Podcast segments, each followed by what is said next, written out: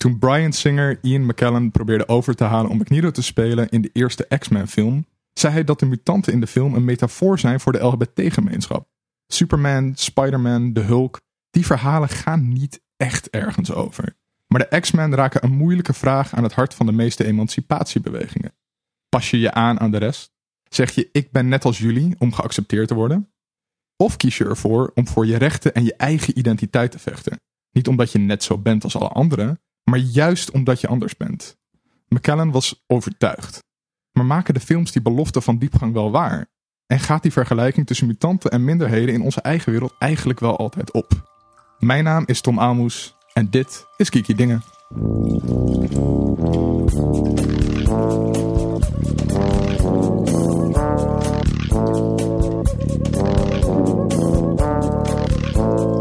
Mijn naam is Linda Duits. En als ik een mutant zou zijn, dan zou mijn superpower zijn dat ik andere mensen kon indoctrineren met allemaal linkse gedachten. en die superpower heb ik natuurlijk eigenlijk. Heb je daar je Twitter-account niet voor? Ja, zoals je al bent. Nou ja, mijn naam is uh, Sydney Smeets. En als ik uh, mutante krachten zou hebben, dan zou ik kiezen voor uh, de krachten die North Star had of heeft. North Star was de eerste mutant die uit de kast kwam. Dus ik dacht van nou, dat past wel bij mij. Mm -hmm. um, hij heeft uh, eigenlijk gewoon hele grote snelheid. Hij kan heel snel vliegen en, en rennen.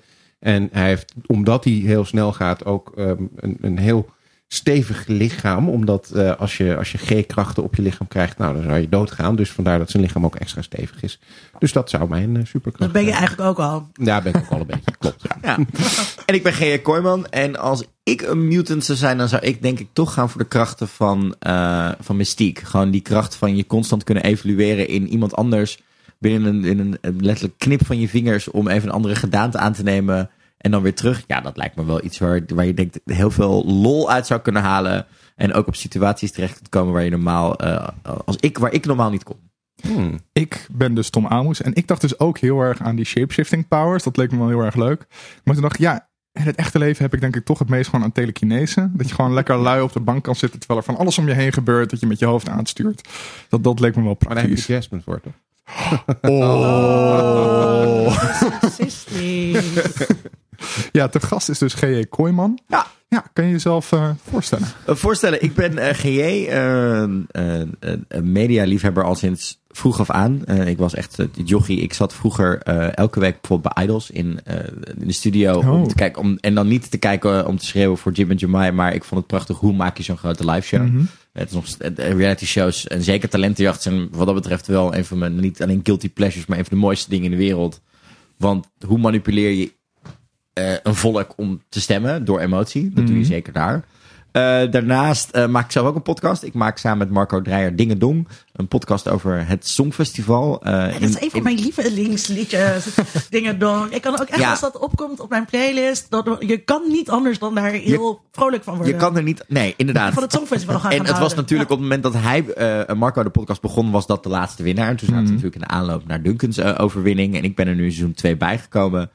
Uh, ja, dat is heel erg leuk. Wij hebben inderdaad een jingletje, uh, omdat wij spelen elke week ook het spelletje Is het lang geleden? Waarin wij zijn namelijk allebei liefhebber van het Songfestival, maar we zijn geen kenner. Dus je hoeft ons mm. niet te vragen naar de derde plek van 1979. Okay. En dat bewijzen we elke twee weken in een aflevering door de ander een plaat te omschrijven en die moet dan de plaat raden. Uh, we zitten nu van de vijf platen, hebben we er eentje geraden. dus weet je, dus... Okay. Dat, Wat een prachtige is, score. Ja, maar dat laat zien aan ons, weet je, ook aan de, degene die luisteren van, we zijn liefhebbers, maar we zijn geen, uh, geen diehard fans mm -hmm. die echt alles kennen. Daarvoor moet je niet naar ons luisteren. We willen meer de verhalen vertellen en de lol. En ook op de denk, toegankelijke manier kijken naar hoe we nu naar Rotterdam toe leven. Mm -hmm. Dus dat. En ik heb net vannacht uh, het commentaar gedaan voor OutTV voor de 71ste Emmys. Dus ik heb, uh, als ik op een gegeven moment misschien een keer huh, roep, dan komt yeah. het omdat ik nog maar vijf uur geslapen heb en ervoor 24 uur wakker was. En wat, was, uh, wat was de verrassing van de nacht? Ik denk dat Fleabag de verrassing van de nacht was. Uh, Fleabag is natuurlijk een, een wat kleinere, rauwere comedy. Uh, origineel in Engeland gemaakt, maar mm. daarna door Amazon geadopteerd. En dat tweede seizoen, dat schoot zo de lucht in.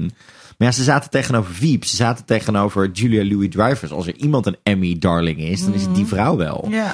Uh, dus om te zien dat Phoebe Waller-Bridge er en met beste actrice en met script en met beste comedy-serie vandoor ging. eh, vond ik wel weer een heel mooi gevalletje van, ah, zie je wel, het kan dus wel die diversiteit, die rauwheid. Het hoeft niet allemaal even glad te zijn. Eh, ja, en Phoebe Waller-Bridge. En, nou ja, Sydney, jij hebt haar live gezien, Ik heb je live mogen zien, ja. Eh, je weet hoe charismatisch die vrouw is. Die Zeker, vrouw is zeker. gewoon heel onhandig en een beetje. Die komt ook aanlopen en die heeft echt iets van: hè, win ik nou alweer? Eh, de, de, de, de show is ook gebaseerd op haar One Woman Show. Hè. Ja. Ze werd het eerst in het theater gedaan. En eh, ik werd er voor het eerst op geattendeerd. Ik denk Linda ook, door Natasha. Natasha, Oh ja, ja, ja. Die Ja. een enorme fan was en ons helemaal enthousiasmeerde dat we daarna Volgens mij moesten heeft het kijken. elke keer dat ze te gast is geweest ook herhaald. Ja, Ja. ja. Hebben jullie het gezien? Ik, eh, steeds ik, ik, ik, ik Oh, heb één aflevering gekeken. Het is, ik heb, het, eh, ik heb jee. seizoen 2 er echt doorheen gejast, omdat ik nu voor de Emmys in voorbereiding was. Maar het is zo.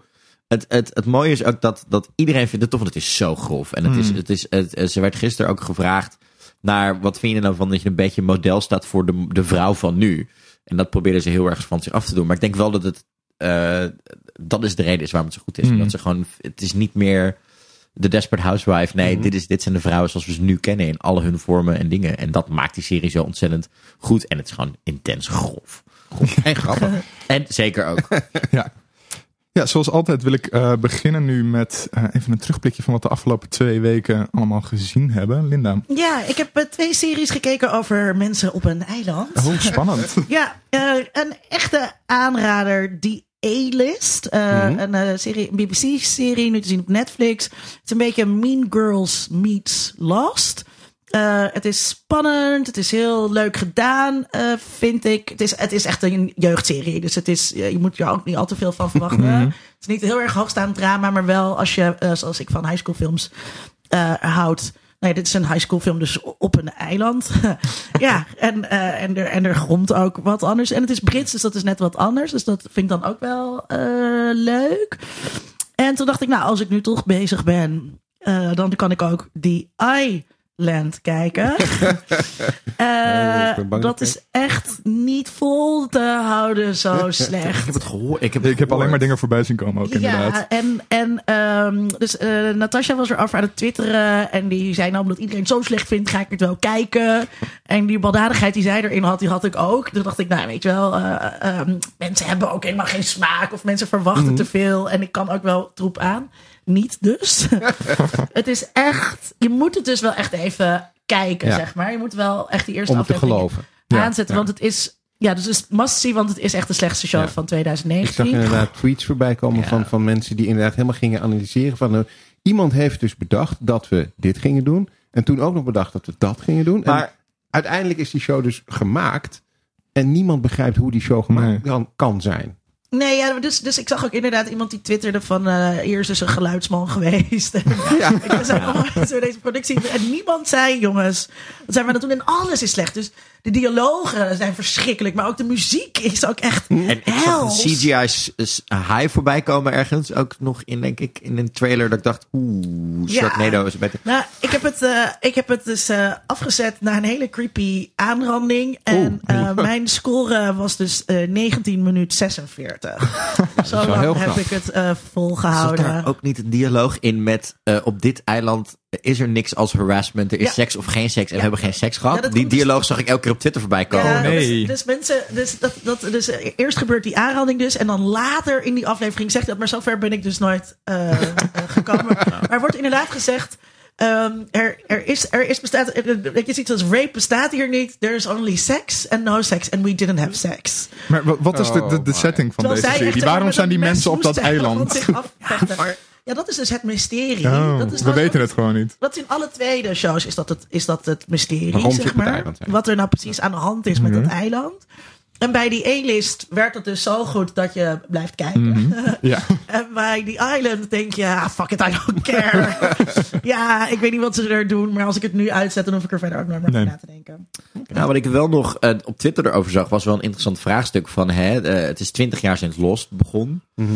Ehm, maar heeft dit er nou ook mee te maken dat dit een beetje een soort van het nadeel is van het formule denken van en het data denken van, van, van Netflix? Oké, dit werkt, dat genre werkt, die show is populair bij ons. Dus we gaan zoiets maken. Want Mm. inderdaad, er zijn heel veel mensen die, ik, als ik hier naar kijk, denk ik, ja, maar dit is toch al een keer gemaakt. Ja. De film The Island kennen we allemaal, tenminste ken ik dan nog met, Mm. eh met ehm Scarlett McGregor en Johansson. Scarlett, Mm. Ja. Scarlett Johansson. Lost kennen we, dat soort dingen kennen we nu allemaal al. Waarom ga je dit er gewoon eens naar maken? En is dat misschien het, het nadeel van, hè, oh, we zien dat dit populair is, dat populair is, dit werkt. ehm, die acteurs zijn populair, dus we zetten het allemaal bij elkaar. Het, is ook, het is volkomen onbegrijpelijk dat het dus, want het is een Netflix original volgens Ja. mij, Hmm. dat het dus van Netflix is. En weet je wel, dat, dat, je, dat je denkt, oké, als je dit nou ergens in de krochten van Netflix hebt gevonden, Ja. omdat het aangekocht is van een of ander, weet je wel, Ja. netwerk, dan, dan is het nog één ding. Maar dat, is, maar dat is dus niet zo. Ja, het is heel wonderlijk. Heb jij het al gezien, Cindy? Ik heb het nog niet gezien. Nee, ik zag er zoveel slechts over dat ik dacht van nou, ik, ik heb zoveel X-Men films te kijken. Dat, ja, nee, ik, Ik heb wel ja. wat beters te doen. eh. Ja. Maar ja, ik vind dus wel dat jullie, dat je moet er We wel iets. kijken. Ja, want ik heb dus wel het idee, ik weet niet wat jij ervan vindt, G.J., dat dit is dus wel zo'n ding waar mensen dus de hele tijd grappen over gaan maken. wordt een-. Ja, Ja, ik, heb, ik heb het gehad met What If. Eh, eerder dit jaar ook op Netflix. Dat was ook zo slecht. Dat heb ik echt lopen haat. Oh, Vond- vond jij dat René niet heel zelf- leuk? René Ik zelf- ook. afgekeken. Ik ook, maar ik heb dat echt lopen hate-watchen met een soort. Twitter-draadje met alle plotgaten, alle dingen die niet klopten, eh, de eh pruiklijnen van René Zellweger die je constant in beeld ziet, de greenscreen dingen, eh, eh, Heel slecht. karakters die elke Alles- keer verdwijnen en weer terugkomen, een soort homo, psychologisch drama. Och. een soort homo-driehoeksrelatie met ayahuasca op een gegeven moment, wat ook Oké. nergens heen gaat en waar een soort van polygamie dan de oplossing is voor je psychische problemen, omdat je als kind je eigen huis in de fik gezet hebt. En ik zat op een gegeven moment echt dat ik dacht, hè? En ik heb daar echt een soort draadje van gemaakt van, maar dit klopt niet en dit klopt niet en dit nou, staat haaks op dat. Ehm, dus, Maar je dus wilt het wel afkijken. ik heb het inderdaad afgekeken, maar ik denk, nu wil ik weten hoe dit, dit Wat er die nacht gebeurd is. Nee, maar ik wil weten hoe je dit bedenkt en hoe je dit tot een einde brengt. Maar ook hoe heb je dit kunnen maken? Hmm. Moet kijk, en dat is het probleem bij Netflix. En dat zag ik dit weekend ook dat het over de Emmys ging. Emmys bestelt gelijk series. Of tenminste, Netflix bestelt gelijk series.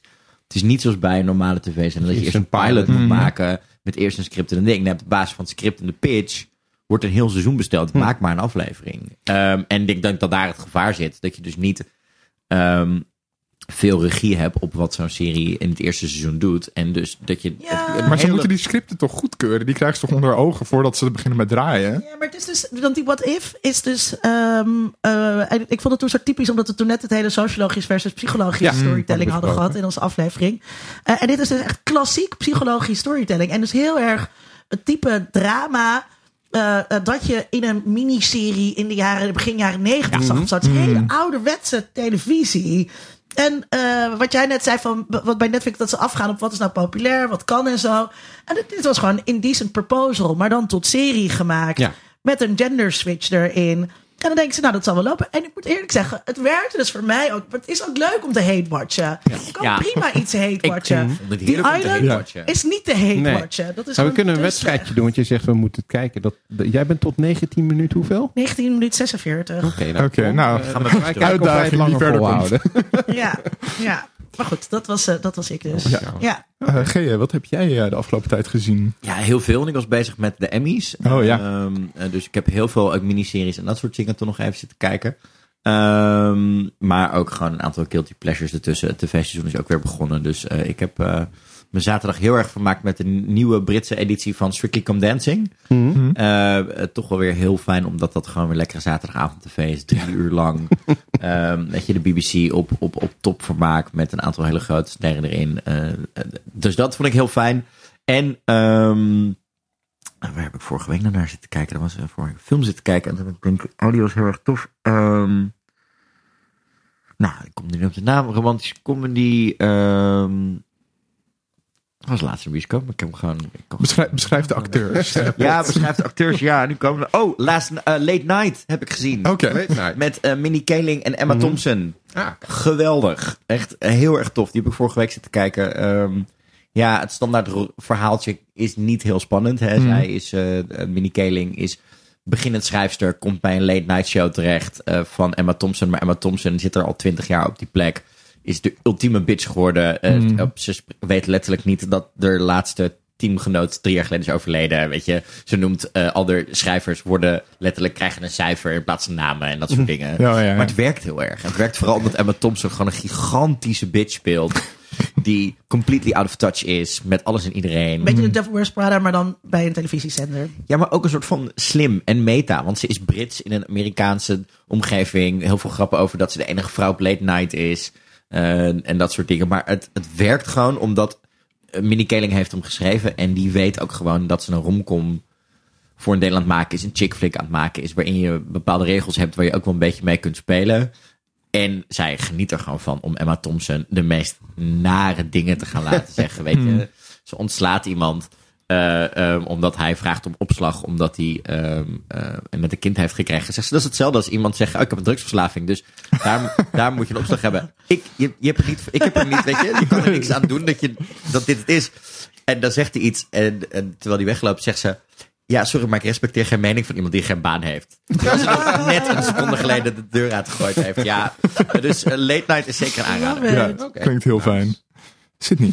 Ja, ik heb gekeken naar een. eh, er is een, een box met eh, DVD's en- of Blu-rays, ligt eraan wat je koopt. eh, uitgekomen, uitgebracht door het AI Filmmuseum en eh, Lumière. Lumière is dan de maatschappij die de box uitbrengt. Mhm. Ehm, en voor vaste bezoekers van AI, dan heb je, heb je waarschijnlijk al gezien dat de afgelopen tijd hebben ze heel veel films van Andrei Tarkovsky Mhm. gedraaid. Want die zijn allemaal geremasterd. En die zijn nu uitgegeven in een DVD-box die wij eh, ter beschikking hebben gekregen, zeg ik er meteen eh, bij. We hebben niet Mhm. zelf hoeven kopen. Ehm, als je van films eh, houdt, dan moet je die films van Tarkovsky wel een keer gezien hebben. Ze zijn eh, oud, langzaam, heel highbrow.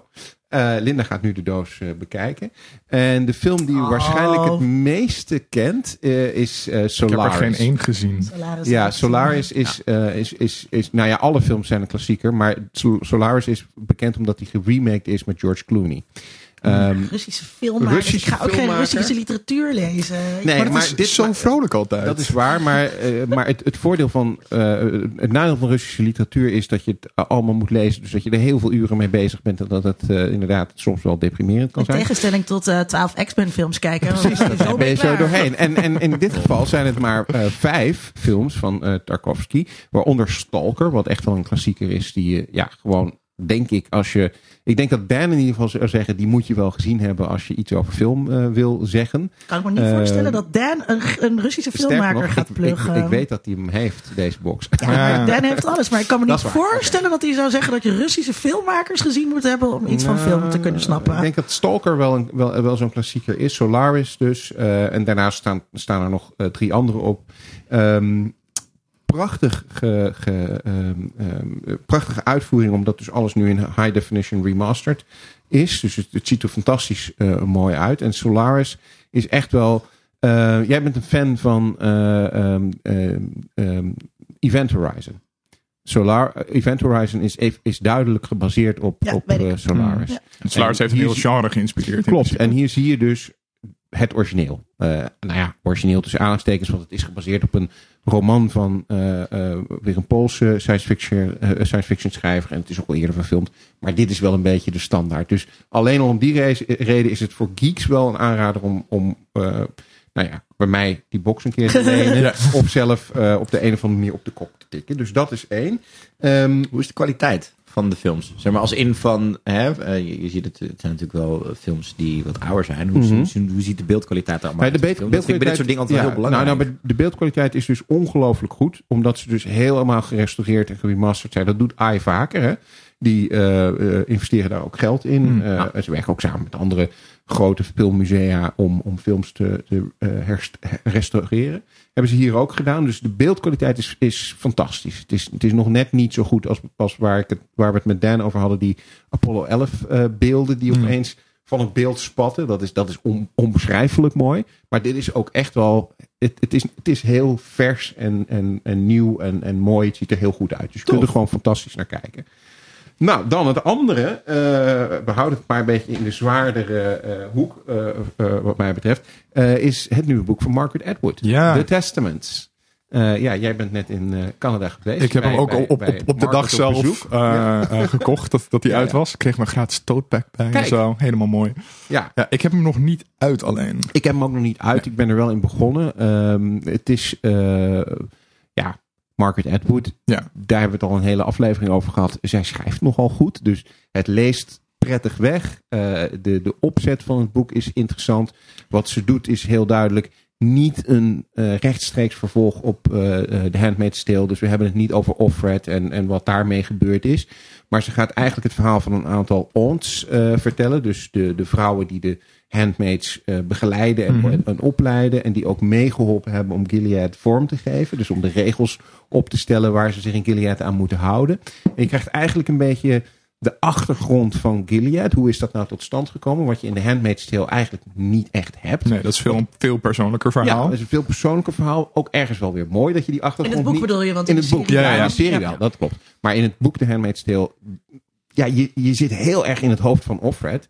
Dus je krijgt niet veel meer mee dan wat zij weet en ziet.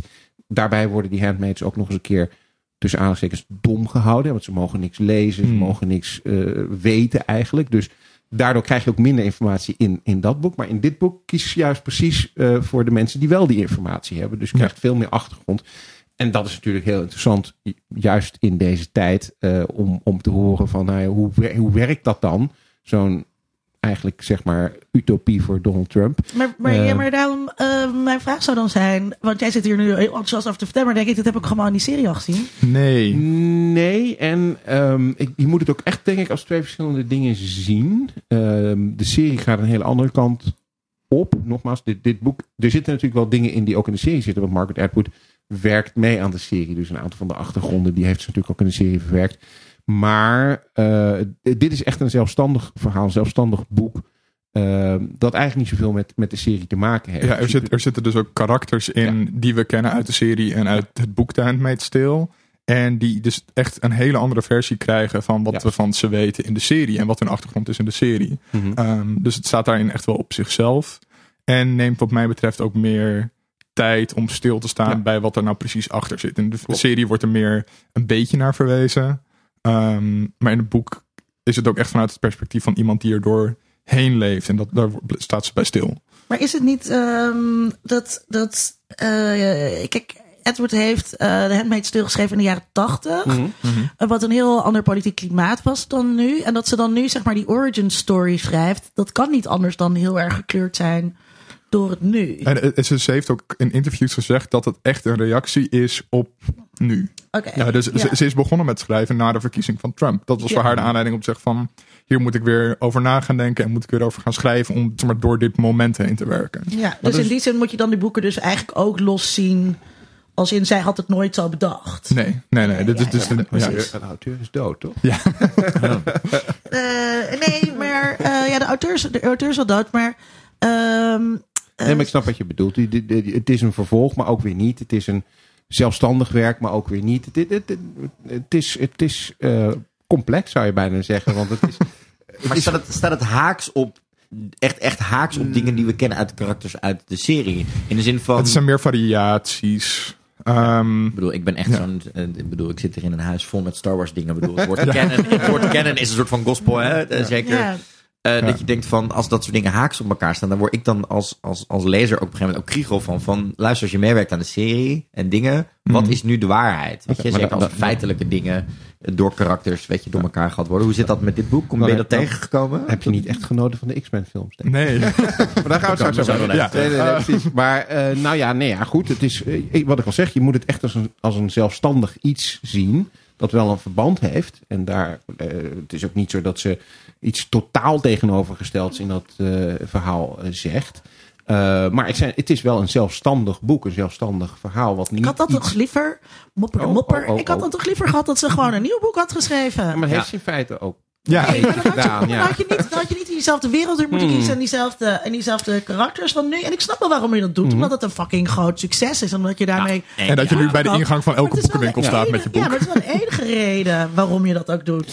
Nou, ik denk dat het een belangrijke reden is. Maar ik denk ook dat ze oprecht nog iets nu pas, nog iets nieuws Quatsch, wat een onzin, natuurlijk Oh jee, niet. oh. Nee, want ik ben het, ik ben het wel met Linda heel lang eens. geleden de jaren Maar tachtig ik denk dat, zijn. ja, Ja, ik denk nee, dat dat je met, met, inderdaad met een bepaalde manier nu kijkt naar het po- politiek klimaat van de jaren tachtig. Waardoor je hè, die parallellen misschien met nu, of juist weer niet komt trekken. En ook op een andere manier naar kijkt. Terwijl als je er dan in zit, dan beleef je dat anders. En dan Mm. kijk je denk ik ook heel anders naar hoe je dingen Daar, daar begint doet. Dus ze zal inderdaad een heel ander nu hè, idee hebben bij Gilead en bij, bij de Handmaid. En Ja, maar ze heeft dus ook meegeschreven aan de Handmaid's Tale nu. Ja. Maar, de ja, maar precies, dus de uitgever heeft gewoon gezegd... eh zei ze van, nou, ik wil er nog wel wat mee. Toen heeft de uitgever, nee, jij moet toch gewoon die personage houden. Je moet die, dat, dat weet ik zeker. Zo werkt het. zou Denk je, kunnen. denk je niet dat Ed Wood die creatieve vrijheid heeft ondertussen? Als soort van mastodont van de Canadese literatuur? Nee. Nou, ik, ik, ik, ik denk, het wel, maar, ik, denk dat ook, ik denk dat ook het feit dat ze heel veel geld hierbij zou kunnen Ja. verdienen. Ja, dat is ook wel motivatie. ook. Maar laat ik zo Tuurlijk, zeggen, ik zou, ik, ik zou zeggen, eh, lees het vooral zelf. Ja.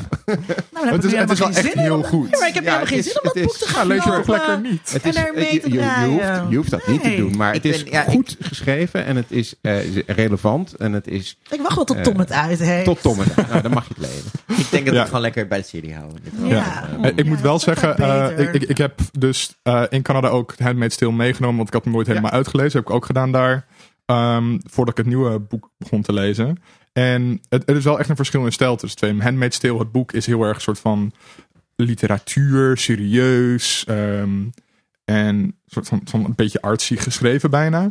Ehm, en Dit is toegankelijk. Nee, maar de, de is echt een, de, de, de Testament is een page turner. Het is, het is wel echt inderdaad veel toegankelijker. Ja.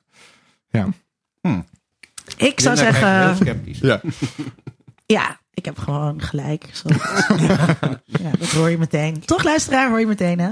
Maar Tom, heb jij nog iets gekeken? Eh, ja, eh, ik was dus in Canada. En omdat dat dan een gigantisch land is en je heel Mhm. veel tijd aan het reizen bent. Want ik ben een beetje heen en weer geweest hier en daar. ehm, had ik veel tijd om te lezen. Ehm, en dus ik heb ook The Song of Achilles gelezen. Ja. Ehm, Ja. Heel goed. Een soort mix eh, tussen de Ilias en eh Call Me By Your Name. Ja. Ehm, dus een heel intiem liefdesverhaal tussen twee jonge mannen. En tegelijkertijd de oorlog om Troje. Ja. Eh, op de achtergrond daar. Ehm, Het is een boek wat, ja, dat weet je, eh, dat kan jij niet weten, maar het is een boek wat ik echt eh, aan, aan heel veel mensen cadeau heb gegeven. Ah. Een Fantastisch mooi boek. Ehm, en inderdaad gewoon een hervertelling van de Ilias, maar dan toegankelijker ja, en moderner. Ilias is echt heel toegankelijk. Ja, het ligt eraan welke vertaling je leest. ja. Maar dat is, dat is, maar daarmee worden, worden al die kindjes op de middelbare school de, de oudheid ingetrokken. Omdat er zoveel avonturen in zitten. Het is gewoon Maar een ook, maar ook heel veel herenliefde. die je mag vertalen. ja eh, het, het gaat, Ik het, zal niet zo, ik zal niet zo antagonistisch zijn. Eh, dat mag straks weer. Ja. Ehm, ja, het, het ga- het is dus verteld vanuit het perspectief van Patroclus. ehm, wat eh, in de Ilias een vriend ofwel minnaar is van Ach- eh, Achilles. En in het boek dus echt wel eh, gewoon de partner. Ja. Ehm, en ook vanaf hun jeugd. Dus op het moment dat we eerst Achilles tegenkomen, is een soort van arrogante puber.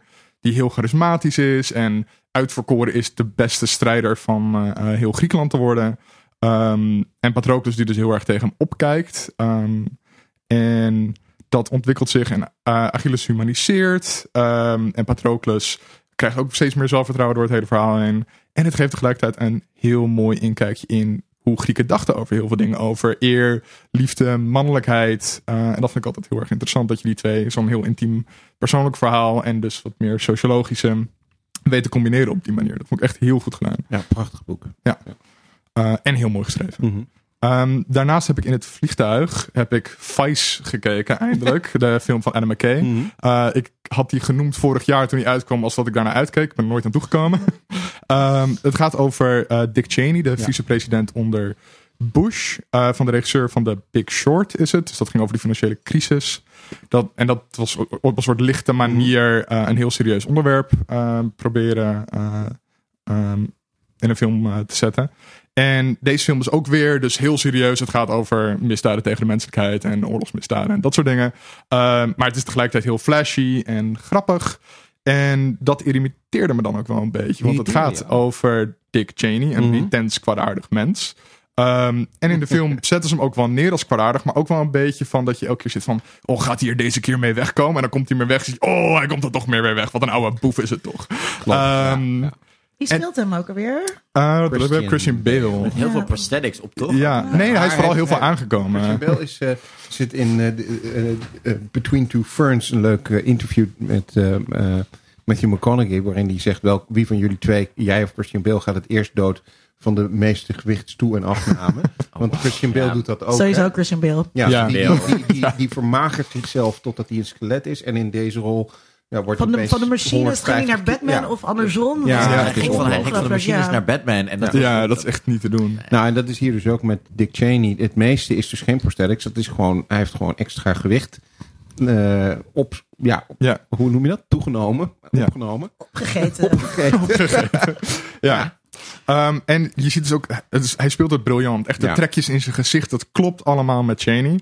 Maar ja, dus tegelijkertijd zit ik dus heel erg zo met zo'n raar gevoel aan het einde van de film van...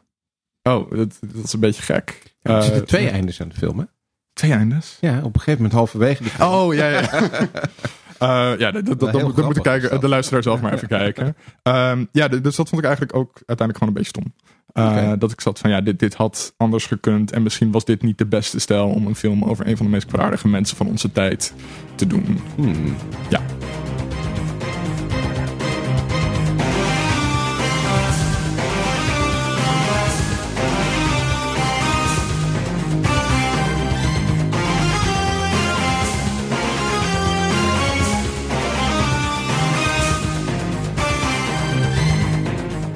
Ja, door naar de X-Men dus. Ehm, en ja, dat is eigenlijk een heel langlopende kart, eh, comic eerst. Eh, voordat het nu in de twaalf films verfilmd is. Ik dacht dus, jongens, jongens, jongens, ik dacht dus dat het er drie waren. Oh. Oh, nee, nee, nee.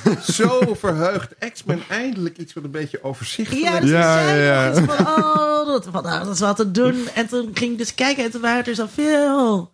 Zoveel. Ja. Zoveel. Ja. Maar dus terug Zo naar... verwarrend. Ja, oh, ja, dat klopt allemaal van geen kant. Maar daar gaan we nog allemaal over praten. Maar ik wil dus eerst even beginnen bij de comics. Ik heb die zelf nooit gelezen. Maar ik ga ervan uit dat Sydney hier dat wel heeft gedaan. Hij Ja. pakt de comics er nu bij. Ja, nou nee, niet de comic zelf, maar een, een soort boekje wat gaat over de Een comics. soort Russische literatuur over de... literatuur over comics, inderdaad. Eh, nee, het is een, bo- een boekje van eh Taschen. Dat is wel leuk voor mensen die van Marvel houden. Ze hebben ze ook van DC trouwens. Het zijn hele kleine boekjes waarin ze van verschillende eh, Marvel-helden, dus de X-Men, maar je hebt ook de Hulk en de Avengers, noem het maar op, eh, een soort overzicht geven van de comics vanaf het begin tot, nou ja, laten we zeggen 2017, 18 toen het boekje eh, gemaakt is. Een populair naslagwerk. Een populair Oh. naslagwerk. Waarin je dus bijvoorbeeld de cover van de eerste X-Men eh, eh, dan, dan ziet. Ehm, jaren 60 eh, begonnen. Ik dacht 63. Ehm, en de eerste X-Men comics. ehm, het is eigenlijk heel anders dan, dan wat, we, wat we nu eh, van de X-Men eh, kennen. Want X-Men zijn heel divers. Hè? Er zijn heel veel verschillende. Ze hebben allemaal andere uniformen en, en dat soort dingen aan. Maar in de eerste comic eh, waren ze allemaal heel erg uniform. Ze hadden allemaal hetzelfde pakje aan. En eh ehm, ja, ze hadden natuurlijk wel verschillende krachten. Maar het was één team. Met, met net zoals Fantastic Four. Met hetzelfde pakje aan.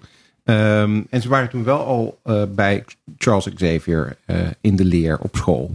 Eh, en pas later met Giant Size X-Men in de jaren 70 eh, werd het eigenlijk een veel diverser team. Met, Hmm. met kleuren en, noem het allemaal maar op. Dat is een beetje waar de films op, op gebaseerd zijn.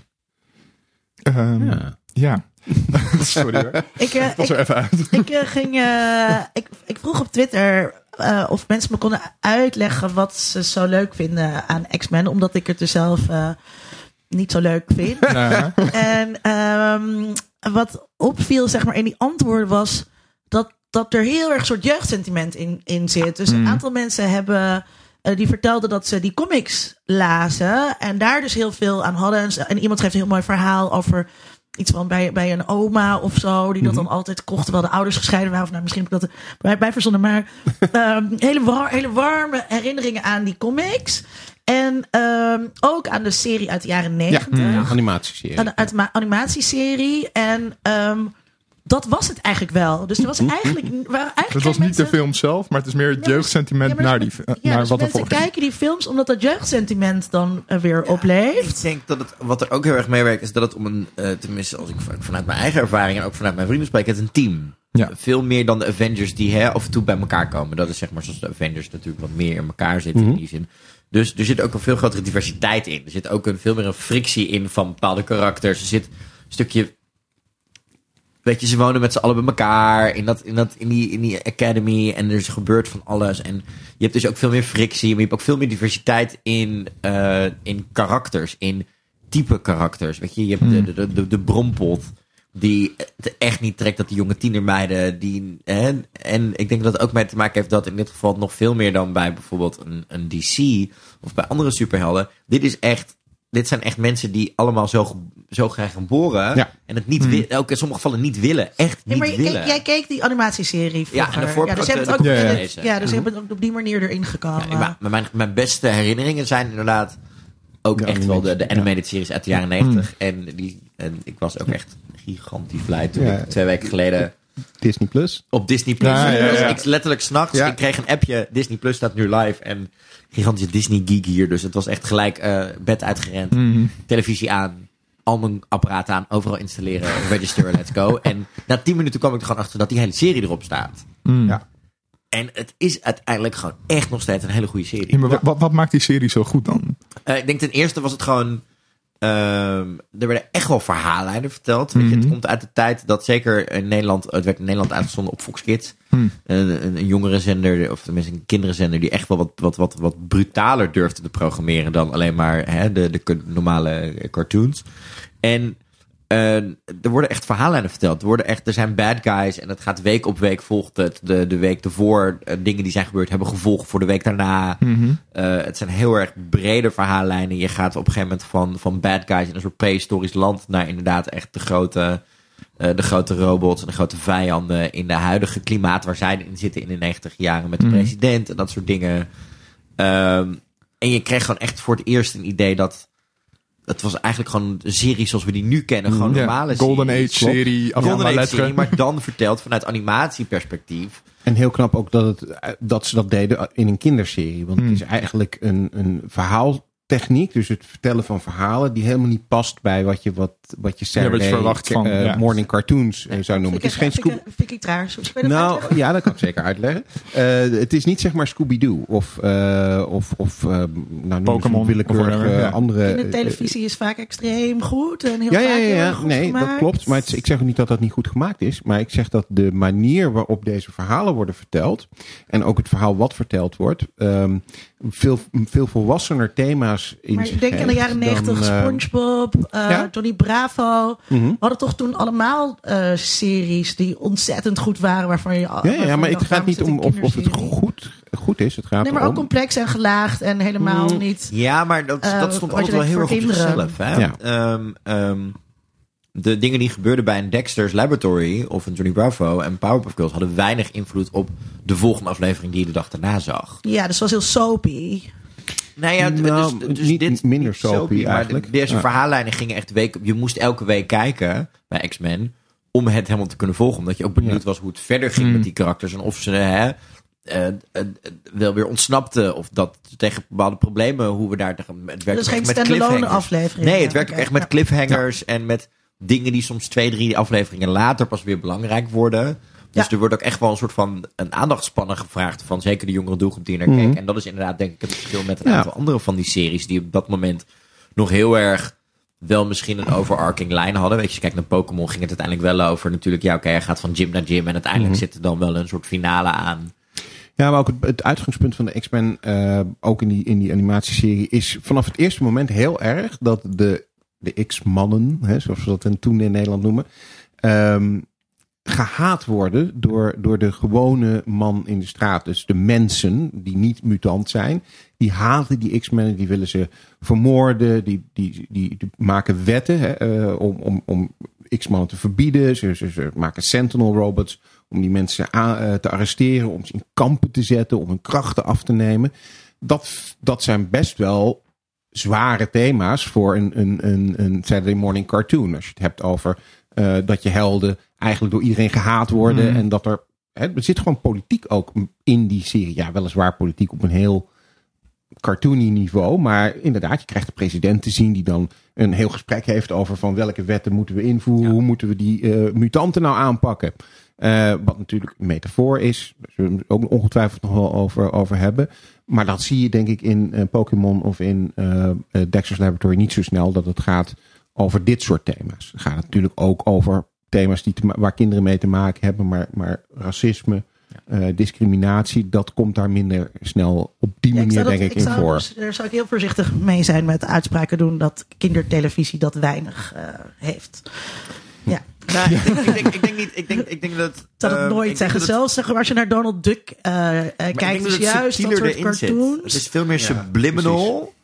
Eh, Ik bedoel, ik, ik kan mezelf nog herinneren dat ik pas echt later, toen ik echt aan het einde van mijn tienerjaren was, een, een keer dronken thuis kwam, kindernet aanzetten en toen pas door had waar Alfred je ook zwak over ging. Nee, maar dat is een stuk meer. En, en nou, dat misschien was het beste te subtiel? voorbeeld. Ja, Alfred Squad is ook een voorbeeld waar, waar het vrij eh, eh, serieus gedaan Ja, wordt. Ja. maar ik denk dat bijvoorbeeld bij andere series wordt het meer subliminal gedaan. Er wordt daar niet constant. Hè, Of, of ja, ik, ik denk en dus dat, dat, heel vind ik juist de kracht ervan. Ik zeg niet dat ze het niet doen, maar ik denk juist dat bij een eh, eh, series juist als Pokémon en dat soort dingen, dat, je, dat het veel meer in de normen en waarden zat, dan dat het echt uitgesproken was.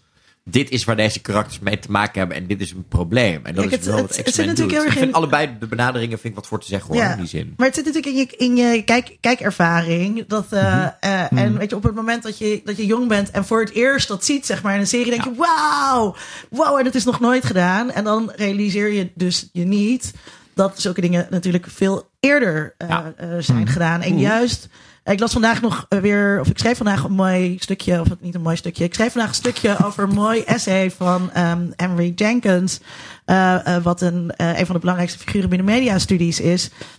die over fans, die fanstudies heel erg ehm, eh, naar voren heeft geschoven. En hij heeft het dan ook weer over hoe hij als kleine jongen Star Trek zit te kijken. En eh, Star Trek is- was natuurlijk geen tekenfilm. eh, maar dat was ook bedoeld voor, voor kinderen. Weet je wel? Dus het is. eh, Ja, het- voor tieners hè? eh, of, of jongvolwassenen, maar niet voor kinderen. nee, het was niet voor jongvolwassenen bedoeld. Eh, Star Trek Trek was voor voor, tieners en jongvolwassenen En bedoeld. dus echt voor, het voor kinderen en jonge Mm, tieners. Nee. Ja, nou, ik denk, En ik denk niet voor jongvolwassenen waren Nee. toen helemaal niet. Die keken niet naar dat. Het was echt bedoeld voor, voor jonge geeks. Voor, Eh, voor, voor jonge jongetjes. En dus dit soort, dit soort thema's, zeg maar. Dus, en dit is juist zeg maar, waar, hè, waar mediastudies over gaat. Waar het onderzoek naar populaire cultuur over gaat. Is dus heel erg over hoe populaire cultuur en politiek met elkaar verweven zijn. Eh, en dat zit, zat ook al, ja, sorry, zat ook al eerder in. Nee, en het is een, kijk, ze zijn niet de eerste hè, die het doen. Maar ze zijn wel in dat tijdperk eh, echt de enige die dat goed en eh, echt uitgesproken doen. En in het tijdperk waar zij in zitten, en dat is echt begin jaren negentig, zijn er gewoon, zeker vanuit de Amerikaanse hoek, eh, wordt het allemaal net wat eh, meer subliminal gebracht. En dit is een van de weinige series waar het wel in zit. Ik bedoel, nee, is het de eerste serie die dit doet? Never, nooit niet. Nee. Maar het, het steekt er wel uit tussen eh, de rest van de series die we zeker kennen in dat tijdperk, die door Fox en Fox Kids en Jetix worden gemaakt. Waarin, dat, waarin het eh, dus inderdaad zo eh, serialized voorbij komt. Waarin het, eh, het, het- het ook heel erg geleerd wordt aan de echte wereld, waar heel vaak dingen fantasiewerelden zijn. Ja, ik wil niks afdrukken. dus- Nee, nee, nee, maar ik probeer, ik probeer, jou, ik probeer jou inderdaad te nuanceren. geen, van, geen afbreuk doen aan jouw betekenisgeving. En hoe mooi, Nee, dat, maar- voor jou, hoe mooi dat voor jou eh, was. En zeker ook om dat terug, zo terug te kijken. Hij Ehm, heeft het wiel, maar- heeft het wiel uitgevonden? Nee. dus daar, wel- je moet, nee, ja, dus moet er hoeft En het enige zeg maar, wat ik hoor en wat jullie zeggen. eh, ehm, wat, wat- kijk, en ik heb die serie niet gezien. Maar eh, wat ik daarin interessant vind, wat toen niet gedaan werd, is inderdaad dat ehm, die verhaallijnen over meerdere afleveringen heen plaatsen. En dat is wel echt iets wat pas in de jaren negentig voor het eerst gaan eh, zien. En wat, wat ons nu heeft. En wat ik wel interessant vind, om het even af te sluiten en ergens anders naartoe te trekken, is ehm, dat eh, die X-Men waren die films waren een soort start van die superhelden tsunami waar we, waar we nog steeds mee Ja. zitten. Ehm, en net als bij, samen met Spider-Man en net als bij Spider-Man wordt er dus ook in deze films heel veel nadruk gelegd op die onderlinge relaties. En daar vind ik het interessant dat je dat zegt dat dat ook in die tekenfilm ehm, zo heel sterk zat. Ehm, dat het daar heel erg over gaat. En dat dat de aantrekkingskracht moet zijn. Dus niet meer de superhelden zoals Superman, die gewoon heel erg goed was. En waar het alleen maar draait om het redden van de wereld. Maar dat het juist gaat ook over die onderliggende relaties. Ehm, Superman was heel erg menselijk, was een beetje anti-helden. Ehm, dat was nieuw voor die films. En dat heeft geleid tot wat we nu hebben. Waarbij ik wel moet zeggen, en daar ben ik dan benieuwd naar hoe dat dan in die serie was, dat het in die films extreem oppervlakkig is uitgevoerd. Die, Ja. die onderlinge relaties die er zijn. En dan. Ja, maar dat komt omdat het in de film ook niet de gelegenheid krijgt om dat te doen. Terwijl Maar dat de hadden ze- serie- hadden ze dat, kunnen dat doen. ook. Ja. En ik denk dat ik, ehm, ehm, wat ik wel merk is dat ehm, ik denk zeker ehm, mijn generatie die opgegroeid is met de animated series, heeft altijd met een soort schuin oog naar die films gekeken. Omdat, het, omdat je in die serie had het inderdaad, eh, natuurlijk zijn het films waar je minder diepgang hebt. Maar het leek ook af en toe, eh, natuurlijk is denk ik altijd bij dit soort dingen de eerste versie van een karakter wat je meekrijgt. De tekenfilmserie was beter als een variant op het boek was beter. Ah, ja. Ja, nee, maar het is de eerste versie waar je Ja. mee in aanraking komt. Van hè, dat karakter. Ik merk bijvoorbeeld bij mezelf heel erg dat als ik naar de film kijk, daar komen we straks nog op. Ik het karakter van Storm in de films ontzettend aan stoor. Omdat in de, eh, de, de animated series is zijn hele sterke, wat oudere vrouw. Eh, eh, eh, echt een vrouw die ook een soort moederlijk instinct heeft, maar ook een trauma met zich mee heeft, omdat ze uit haar land is verboor, eh, verstoten en dat soort dingen. En de- dat soort dingen krijg je mee in die serie, waardoor zij echt een heel gelaagd karakter wordt. En in de films meer. Storm is Ja, niet ja, veel maar- meer dan aanwezig. Zeker in de eerste. Je, in, dus- is het echt verschrikkelijk. Ja. Ze Ja. wordt echt eh, volledig eh, weggewaaid. Niet vergeten dat de, de, de, animated Weggewaard. serie is, is natuurlijk ook weer een bewerking. Ja. En dat is, ehm, daarom is het ook zo, zo goed. Daarom werken die verhalen ook zo goed over meerdere afleveringen. Omdat het allemaal bewerkingen zijn van bestaande X-Men verhaallijnen Ja. in de comics. Die al vanaf de jaren 60 bezig zijn. En die ook heel erg... De comics, dat ligt er eh, super dik bovenop. Zijn heel erg geschreven in de tijd van de burgerrechtenbeweging. In de tijd van eh, Malcolm X en eh, Martin Luther King. Dokter, eh, of, eh, professor Xavier, professor X is Martin Luther King. Eh, Magneto is Malcolm X. De beide exponenten van hoe kun je ehm, ehm, als minderheid in een maatschappij van anderen die de meerderheid Gaan we straks vormen. nog even over praten, Ja. hoop. Ja. Ja, ja, ja, gaan we zeker doen. Gaan we zeker doen. Maar daardoor, om, omdat dat er al vanaf het begin in zit, dus die, die hele serie, die hele X-Men zijn ook bedacht vanuit die gedachte van de anderen in de maatschappij die proberen een plek eh, op te eisen terwijl de anderen dat niet willen, die voor hun rechten vechten. Die verhaallijnen zijn in de loop der jaren ontwikkeld en die zijn in de, in de animatieserie in een in animatievorm eh, neergezet. Dus het waren bestaande verhalen. Het zijn geen originele eh, verhaallijnen.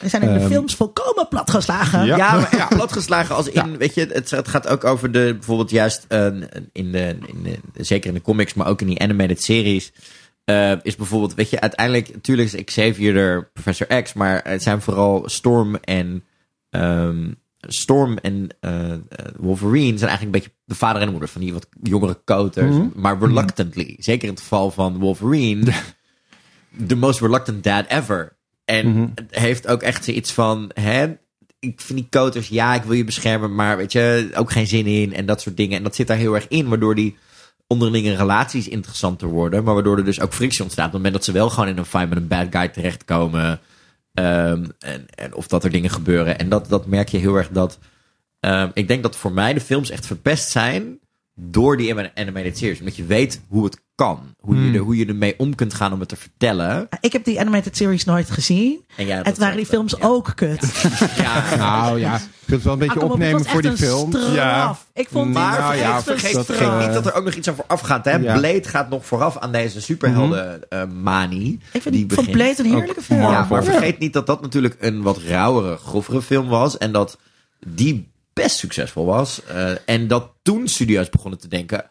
Oh, maar nu Oh. kunnen ze even naar die Marvel library gaan kijken. Van wat zit daarin? En Marvel zat maar we de willen het dan wel voor hè, een lagere leeftijdsrating doen, want meer geld. En dat is wel wat voor een deel aan de grondslag ligt van de beslissing om aan X-Men te gaan beginnen. Ja, ik moet Ehm, ook eerlijk zeggen, ik vond, ik vond niet alle films even slecht hoor. Eh, en, en, maar dus ze hadden gewoon, na die eerste drie, hadden ze gewoon moeten zeggen, dit was leuk. Doei, Na, na de klaar. eerste twee hadden ze moeten zeggen. Dit was Ja. de derde, Ja, de het is derde. heel- Het is heel duidelijk waar het, pro- het probleem zit. Het probleem zit bij Simon Kinberg. Simon Kinberg komt er vanaf de derde film bij.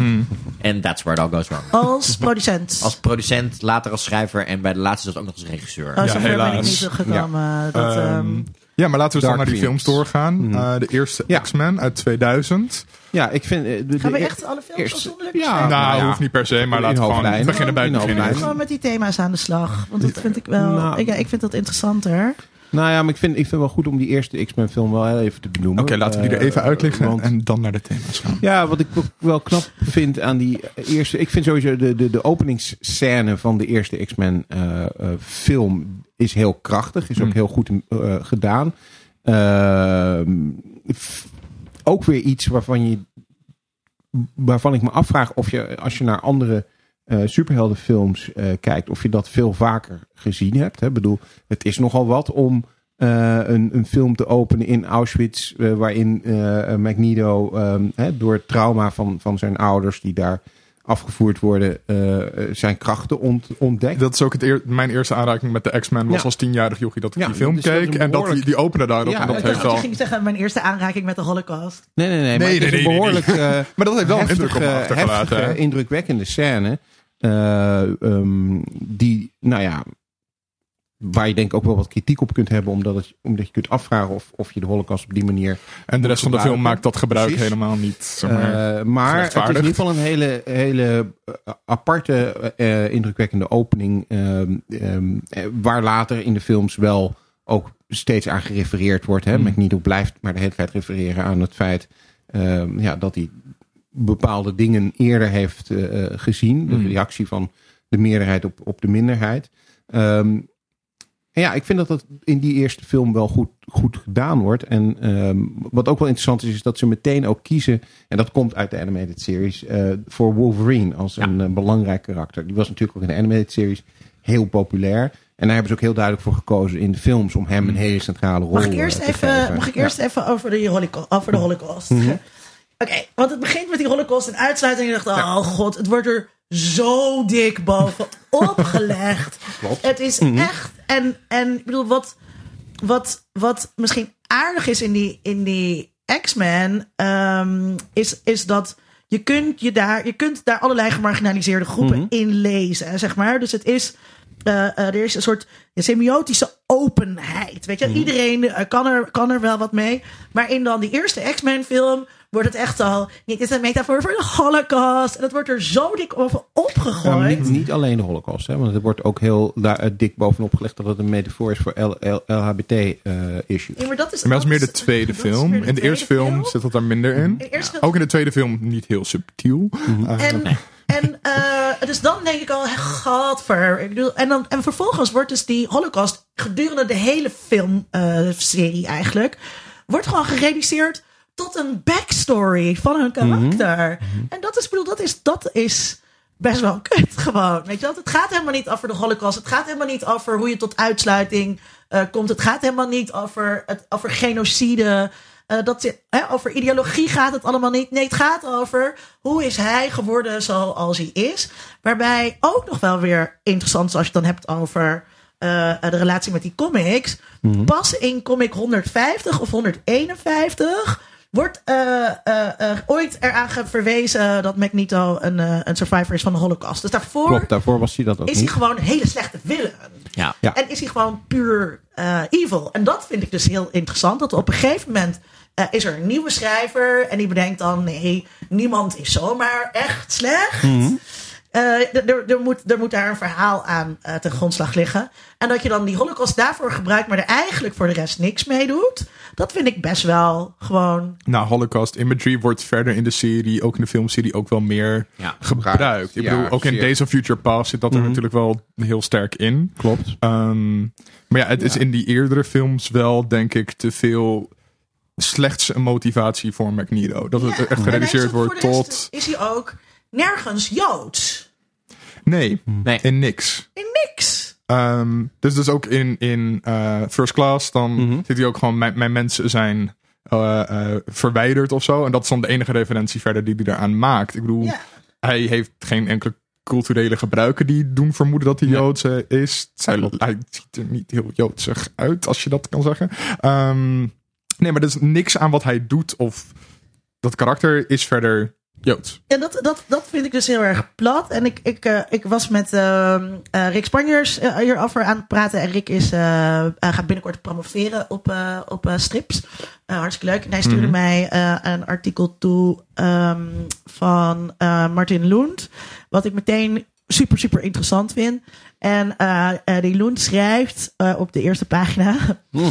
Marvel Comics mutants have been increasingly inscribed with allegorical otherness.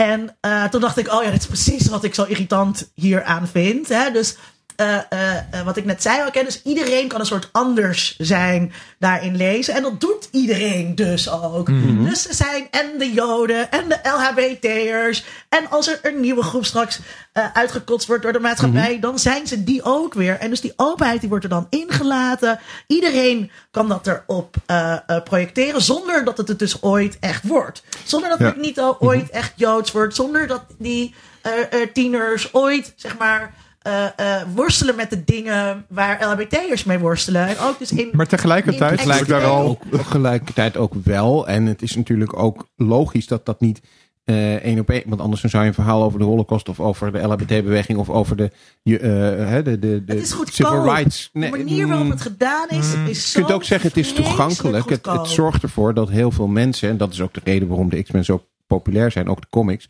dat heel veel mensen zich daar inderdaad mee kunnen identificeren. Doordat dat je is- het zo breed is- en open maakt. Maar dat is. Nee, want je maakt het dus niet open. En dat is zeg maar wat wel dus in die comics eh zit. En volgens mij Mhm. ook wel in die animatieserie. Maar in die films niet. Denk- Want je legt het er dus heel dik. In Mhm. één moeten we dus heel erg zien. Dit gaat over de Holocaust en Joden uitsluiting. In twee wordt er zo dik op bovenop gelegd met die coming out van die jongen bij zijn ouders. Mhm. Hier moeten jullie LBT'ers in lezen. En dat betekent dus dat het aan de ene kant dus heel open lijkt qua betekenisgeving. Terwijl je aan de andere kant heel duidelijk een bepaalde richting in wordt gestuurd.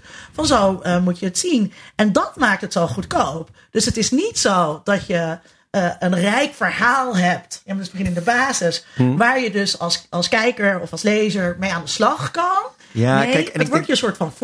Echt zegt, En verge- dit is de allegorie hoor. Kijk maar, het is niet vergeet- superheldenfilm. Het staat symbool voor iets veel zwaarder. Kijk, en vergeet niet, Brad Singer, regisseur van die eerste twee films, is Joods en gay. Ja. Eh, Brian ont- Singer. de Brian Singer, Ja. sorry. Het Ontzettend hè, problematic mother. Ja, zeker. Laten we het- dat moeten we het zo nog even over hebben. Maar Ja. dat kleurt wel, denk ik, hoe hij die films indoet. En hij is gewoon oprecht. Ik denk dat we dat nu, eh, ik bedoel, eerst naar 2000, nu 2019, Mhm. 19 ook kunnen zeggen. Hij weet gewoon niet met die thema's om te gaan. Kijk naar wat hij met Bohemian Rhapsody heeft Ja. gedaan. Mhm. Weet je? Yikes. Ja.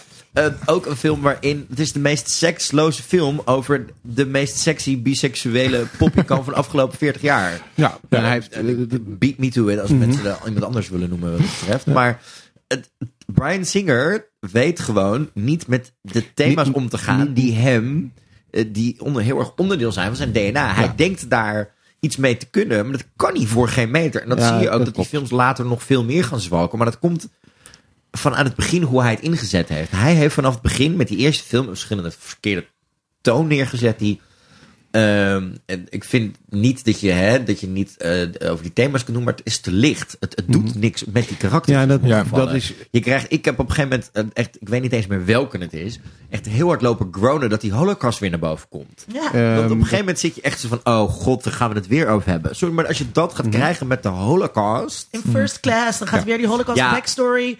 En dan, Ja. maar dan denk ik ook, oké, Magneto heeft al die macht. Maar hij stopt dus het concentratiekamp verder ook niet. Ja, omdat wel. hij de kracht op dat moment nog niet kan gebruiken. Dat is het hele dat idee maar van. het, is, het eh, komt weer naar boven dat je denkt, dat je denkt oh nee, niet meer de holocaust. Eh, dus het En hele dat- idee- en als je dat, als ik dat krijg met de holocaust, maar dat komt echt doordat Brian Singer het vanaf het begin verkeerd inzet. Ja, en dat qua heeft- casting, qua... ehm, Nou. eh, ik vind, nou, er zit echt echt wel dingen aan te merken op de casting. Eh, ja, dat ligt eraan wie je bedoelt. Was Halle Halle Berry, laat... Oh, Halle Berry. Halle oké. Berry is compleet miscast. Nee, maar goed, iemand als, als Ian McKellen en Patrick Stewart zijn, zijn, Dat zijn zeker... perfect ja, gecast. Die zijn perfect gecast. Eh, Eh. maar zeker met, met de... En trouwens, Hugh, Hugh Jackman ook. Ja, maar juist met de... met- Nou, En ik vind hier dus, hier zit dus echt een probleem met auteurschap. En daar heb ik Mhm. dus best wel over nagedacht. en zeker ook omdat ik dat, eh, dat artikel had gelezen. ehm, eh, wat dus heel erg ingaat ook op die, op die Holocaust backstory. Mhm. Of eh, op die Holocaust verwijzingen die daarin zitten. En waar eh, Peter Lund voor waarschuwt, is dat je te essentialistisch naar de auteur Mhm. kijkt. Dus ehm, hoe heet hij ook weer? De bedenker van die strips? Stanley. Stanley is natuurlijk ook Joods. Mhm. Ehm, ehm, maar ja, je moet niet een al te zeer directe relatie trekken tussen zijn Nee, Joodsheid. maar dat, maar dat deed- Stanley ook heel nadrukkelijk niet. Hè? Met, met het begin Mm. van de X-Men, nogmaals, is als je als je dat per se al wil eh, zien, dat is echt rechtstreeks de civil rights movement. Dat is Daar de gaan, we straks, oor- daar gaan we het straks over hebben, Ja. want dat is ook, dat is ook een probleem. Ehm, maar ehm, eh, het is niet Stan Lee die met die backstory komt. Dat is pas een hele andere auteur. Die Ja, De Holocaust, ja, maar dat komt ook pas veel later. Die komt, dat komt dus pas veel later. Claremont, eh, die heeft dat Mhm. pas ingeschreven. En je zit dus met allemaal verschillende auteurs. En dus ook weer met zo'n regisseur die weer Mhm. zijn betekenis eh daaraan geeft. Producenten, schrijvers die weer wat anders eh, eh, doen. Ehm, en, ehm, en er is dus ook geen statische betekenis Nee. daar. Het speelt zich allemaal af. Je moet het allemaal zien. Eh, dat is waar die, waar die Pieter Lund, Pieter Lund, Martin Lund, Martin Lund voor pleit. Je moet eigenlijk iedere titel zien in het kader van die tijd. En heel erg voorzichtig zijn met terugkoppelingen maken eh, naar de auteur. Dus je kan ook niet helemaal zeggen in die zin dus dat Brian Singer het allemaal verkut heeft. Ehm, Nou, ik denk het wel. Omdat want hij werkt ook maar weer met dingen waarmee hij aan de slag moet. Ja, en met Brian Singer, dat kunnen we niet helemaal loszien van het. We hebben het vorige aflevering over gehad, in het kader van Stephen King. Brian Singer, Singer heeft deze thema's natuurlijk eerder al behandeld met dezelfde acteur, uh, Ian McKellen, in A Pupil. Hè. Dat gaat ook over heel duidelijk homoerotische relatie tussen die twee hoofdrolspelers. En eh, de Holocaust, het nazisme, de, de, de kampbewaker die daar een, een rol in speelt. Ehm, en ja, dat is iets waar Brian Singer gewoon op de een of andere manier dus een fascinatie mee heeft. Misschien begrijpelijk vanuit zijn eigen achtergrond. Maar dat Maar- helemaal niet. Nee, maar Nee, dat, nee, ik zeg daarom misschien begrijpelijk. Eh, maar waar hij niet heel, heel goed mee wegkomt. Hij weet dat niet heel subtiel te En dat doen. Hij weet is er veel geen. relevanter dan het Ja. eerste. Ja, en ik denk ook dat het in de films gewoon de hele tijd te veel een sideshow gemaakt wordt. Mhm. Gewoon, het is een gebaar naar diepgang en een gebaar naar, oh, er zit nog iets van burgerrechtenbewegingen in.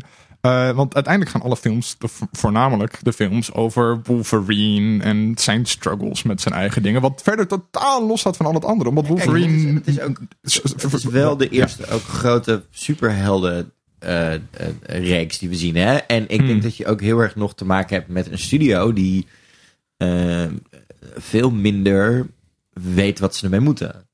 Veel minder, oh, weet je, ik denk dat je ook hier nog heel erg te maken hebt. Je gaat het in de latere films, ga je het helemaal zien. Eh, de bemoeienis van, oh, dit, deze karakters doen het goed. Dit, dit vindt het Ja. publiek leuk. Dit wil het publiek. En daar gaan ze op een gegeven moment ook heel erg in lopen sturen. Maar Wat, heel, wat, wat, wat ik vind dat heel erg spreekt uit die hele reeks. Het is allemaal zo liefdeloos eh, eh, gemaakt. Er wordt echt gekeken naar wat werkt goed. Mhm. Eh, wat slaat Ja. aan. En dat gaan we dan nog vaker doen. Dat gaan we nog vaker herhalen. En nog even, ik wou nog even aansluiten op wat jij zei over Wolverine. Wat zo raar is. Is als het dan gaat over de ander eh, zijn. En over ehm, eh, die identiteitsprojecties die allemaal eh, eh, kijkers daarbij kunnen hebben. Dan is het heel raar dat Wolverine ehm, de hoofdpersoon is. Want Wolverine heeft dat helemaal niet. Dat LWT-erige of dat Joodse. Nee, maar dat is dus precies wat ik Het is bedoel. gewoon eh, de with the loner man. Mhm. In een leren jas. En en Zoals we die kennen uit elke actiefilm in principe, ja. precies. Ja, maar het feit dat hij eh, in zijn jeugd. Ja. van die bar crawls. Het, het feit dat hij er in zijn jeugd uitzag als Troy Sivan maakt veel goed, wat mij betreft. Ja, ik, sorry, maar voor mij echt. Die hele ik Hugh Jackman ik- doet het echt niet ik voor denk- mij. ik Ik, denk- vind hem zo saai. Ja, met zijn, de, de, in de, in de, eh, zijn, zijn jongere zelf wordt in de eerste Wolverine speel, film gespeeld door Troy Sivan. Toen hij nog heel erg klein was. Eh, maar goed, dat is meer voor de Troy fans. Ja, maar ik denk dat ik denk, kijk, het, het, het, het, het, het interessante aan Wolverine als karakter, los van hoe je hem in deze film ziet, is dat hij tegen zijn wil geïnjecteerd is. Hij is gemaakt tot mutant. Hij is niet. Oh, Nee, ja. hij- hij- nee, nee, hij is- hij is mutant. Hij is, hij is, Hij is mutant, maar hij is verminkt en gedaan. Ja, maar, en, en daar is de backstory. Zijn liefje ging dood. En toen Nou, ik dat ook zat dat- te kijken. Ja, dat echt- Maar dat nee, is dat is- meer in Wolverine. Dat is maar dat, zit, zit niet Origineel is hij gewoon. in Origins. Ja, in X-Men. Origins Een Wolverine. origin story waarin de vriendin doodgaat. Origins moet je eigenlijk gewoon Ja, compleet, maar- maar, ook Maar compleet. ook trouwens de vriendin die een Native American is, maar niet door een Native American actrice gespeeld wordt. En terwijl ze Ja. in de comics Eh, Aziatisch is. en, dingen. en die Eh, ook ja. eh, blijkt een, een, iemand te zijn die hem met haar mutante krachten heeft gemanipuleerd. Dus in die zin. eh, maar eh, X-Men X-Men tragisch Origins. karakter. Ja, even voordat Maar we. vinden jullie Wolverine X-Men. echt leuk? In de, in, Nee. het, Ja, in, het, nee. in, in, de basis, hè? niet in de films. Ja, maar in de films, want we hebben het vooral In de films vind ik hem, eh, is het vooral op een gegeven moment echt een vervelende brompot. Ja. Ehm, Wordt hij en ehm, komen zijn soort van eh, eh, relaties gewoon nergens authentiek over. Ik bedoel, Ja, hij, dat- moet, hij moet een soort, soort van, hè, de, de, de, de affaire, de soort, oh jou wil ik, maar mag ik niet van, van Jean Grey zijn. Mhm. Eh, Jubilee moet heel erg naar hem opkijken. Eh, Tenminste, met Jubilee en, en met Rogue botst. Ja. Met Scott vibe hij voor geen meter. Eh, hij snapt soms heel erg wat Magneto doet, maar is gelieerd aan Professor X. Eh, met Maar hij is er ook niet vanuit een hem persoonlijke hem ze overtuiging. zijn. Maar geen van die dingen krijgt inderdaad, dan ben ik het heel erg met jou eens, Mhm. of diepgang, Ja. of komt echt over, omdat je er gewoon de tijd niet voor Nee. krijgt. Maar ook omdat Maar- je... eh, ook, ook, ligt ook aan de ge- Ook- no offense, gelimiteerde acteerkwaliteiten van Hugh Jackman. Ja, ja. Maar Oh, ehm, Nee. ja, dus, dus Wolverine zit er ook nooit om eh, ideeën die hij zelf heeft, of ideologische waarden die hij zelf hoog heeft staan. Hij wordt er altijd om persoonlijke redenen weer bij betrokken. Eh, in elk verhaal weer. Wat voor mij een heel oninteressant karakter maakt. Ja, maar de, de enige verdediging daarvoor die er is, is dat dat wel heel erg uit de comics komt. Wolverine is altijd een loner en iemand die er echt buiten staat. Ook zelfs in de animated series is Wolverine echt de klootzak die ook heel vaak wegloopt. En, en, en net zoals het in de film ook, eh, ook gebeurt. Eh, dat, maakt, dat betekent niet dat het daarmee een goed verhaal wordt. Maar, eh, Maar waarom dat, hebben ze hem dan gekozen als een entry point in die hele Om- franchise? vanwege de animated series, omdat hij daar ook de eh, eh, held was die iedereen fantastisch vond. Maar dat kan Eh, ik niet geloven, want, want ze hebben zoveel dingen die goed waren aan de animated series. Hebben ze Nee, nee, nee. nee. En, nee ze dit hebben, is, en dit is, ik bedoel, sorry hoor, maar hebben er zijn echt- drie standalone films Ja, ja, van die klopt. gast gemaakt. Maar- Ja, dat is, dat plus- is maar eigenlijk ook- de basis hij van de animated series. Nee, maar ook natuurlijk, kijk, ze hebben ook gekeken natuurlijk inderdaad naar hè, speelgoedverkoop, wat naar de animated Mhm. series ook nog jaren doorgegaan heeft en ook de comics. En het is wel een karakter wat ehm, super populair is. super Ja. populair is, omdat hij juist een soort ehm, eigen agenda heeft, terwijl de rest af en toe heel makkelijk achter dan wel Magneto, dan wel Professor X aanloopt. Ja, je En moet. ik denk dat, dat die eigen identiteit misschien iets is geweest waarvan ze in het begin dachten, oh, dat zou wel misschien een interessant Het entry point zijn. Ik ben het er niet mee eens, maar ik denk dat dat wel want, iets is. want het brengt ook geen gelaag. Je zou kunnen zeggen, oké, weet je, het is goed tegen kwaad. En dan zou hij daar een soort nuance, gelaagdheid in kunnen aanbrengen. Maar dat doet hij helemaal niet. Hij Het is kiest altijd voor zichzelf. ja, en dan weet je, ja, de witte, de witte loner, de witte Ja. hetero man. Maar, maar even toch wel Ja. nog, nog, nog één nuance. Wa- Wat, wat je niet moet vergeten is hoeveel van de animated series in die films zit. Weliswaar niet goed of In alle gelaagd. films. Ja, Ja. er is echt, zeker in die drie Maar dat van zijn ook eh, de meest Singer. populaire Ja. en meest bekende die comiclijnen ja, de verhaallijnen die daarin zitten, die zijn, zijn heel erg natuurlijk oorspronkelijk uit de comics, maar met name om de Maar dan is mijn populariteit vraag, in de hebben animated ze dan series. dus de slechte dingen behouden en de goede dingen niet gedaan? Ja, dat is maar net hoe je het ziet. Ja, de- eh, de- ik, ik, ik ga er een heel eind in mee wat, wat jij zegt. Maar er zijn ook ontzettend veel fans die dat, die dat niet zo zien. Die vinden juist dat er eh, wel de goede keuzes zijn gemaakt. Niet met X-Men 3 die overigens. zitten hier niet aan tafel. Niemand vindt X-Men 3 Nee, leuk. X-Men 3 is echt een maar ik unaniem dus- gehaat. Maar X, bijvoorbeeld X, X2, eh, X-Men Unlimited, wordt door heel veel, niet alleen fans, maar überhaupt door filmliefhebbers gezien als een hele goede film. Ja, maar die mensen zitten hier allemaal niet. Dus Ik Nou, vind ik X-Men vind 2 X-Men 2 vind ik ook gewoon best wel oké. Dat is ook een prima film. Maar dat is niet, dat, Dus dus maar het zit hier. dat is het claim die je maakte. Ik vind het fijner als je voor jezelf spreekt. In plaats van voor onzichtbare anderen die er, die er niet zijn. Ja, maar wat, wat is je vraag dan? Nou, ja, dus we hadden, het, we hadden het over waarom hebben ze dan zoveel dingen die goed waren uit de animated series. Ja, maar dat, daar zit de aanname in dat, dat ze dat hebben gedaan. Maar er zijn, eh, nogmaals, zoals bijvoorbeeld in X2, maar ook bijvoorbeeld in eh, First Class en, en zeker in eh, Days of Future Past, hebben ze juist heel veel dingen erin gehouden en, en hebben ze het heel goed gedaan. Het zijn hele goede films. Logan is, is een fantastisch goede film. Als je het hebt over, over, over eh, Wolverine als karakter en over gelaagdheid. Nou, dan Logan is daar een Ja, perfect nee, voorbeeld jou, van. ik wilde jou even zeg maar, uit de kast dwingen als iemand die deze films daadwerkelijk goed vindt. Ja, Kijk, en niet alle films, kijk, maar een aantal van die films hadden we zeker wel. Over, eh, hadden we het over Netflix hè? en, en, en data-driven films gaan maken en niet meer creativiteit. Dat is hier natuurlijk op een gegeven moment ook gebeurd. Ze zijn Mhm. heel erg gaan kijken naar wat, wat, wat zijn populaire dingen. Wat zijn eh, saga's, karakters en dingen die mensen tof vinden. Dingen die verkopen in de comics, dingen die verkopen in het speelgoed. Dingen, hè? eh, wat zijn best bekeken afleveringen van de animated series. Ja. En daar zijn ze mee aan de slag gegaan. Het probleem is alleen is dat er een creatief team is opkomen Mhm. te zitten. Zeker vanaf de Last Stand. En dan noem ik nog een keer Simon Kimberg. eh, die daar eigenlijk wel een soort van de gangmaker is. Die het verkeerd begrijpt. Hij Ja. interpreteert het materiaal gewoon verkeerd.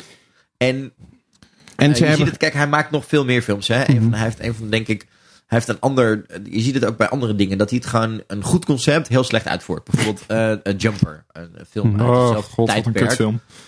Super tof concept. Ja. Intens slecht uitgevoerd. Eh, ehm, Ja. ehm, eh, ze komt net na de, Ook omdat die de prequels leadacteur... van Star Wars? Mhm. met Hayden Christensen. Oh Omdat Fox dacht, hey, leading man. was ook bedoeld als een eerste deel, eerste deel van een Eerste eh, deel langere van, serie. van ja. een langere serie is het ook niet geworden. Nou ja, dat, en dat de- zie je dus. daarna begint de serie te zwalken. Mhm. The Last Stand is heel duidelijk.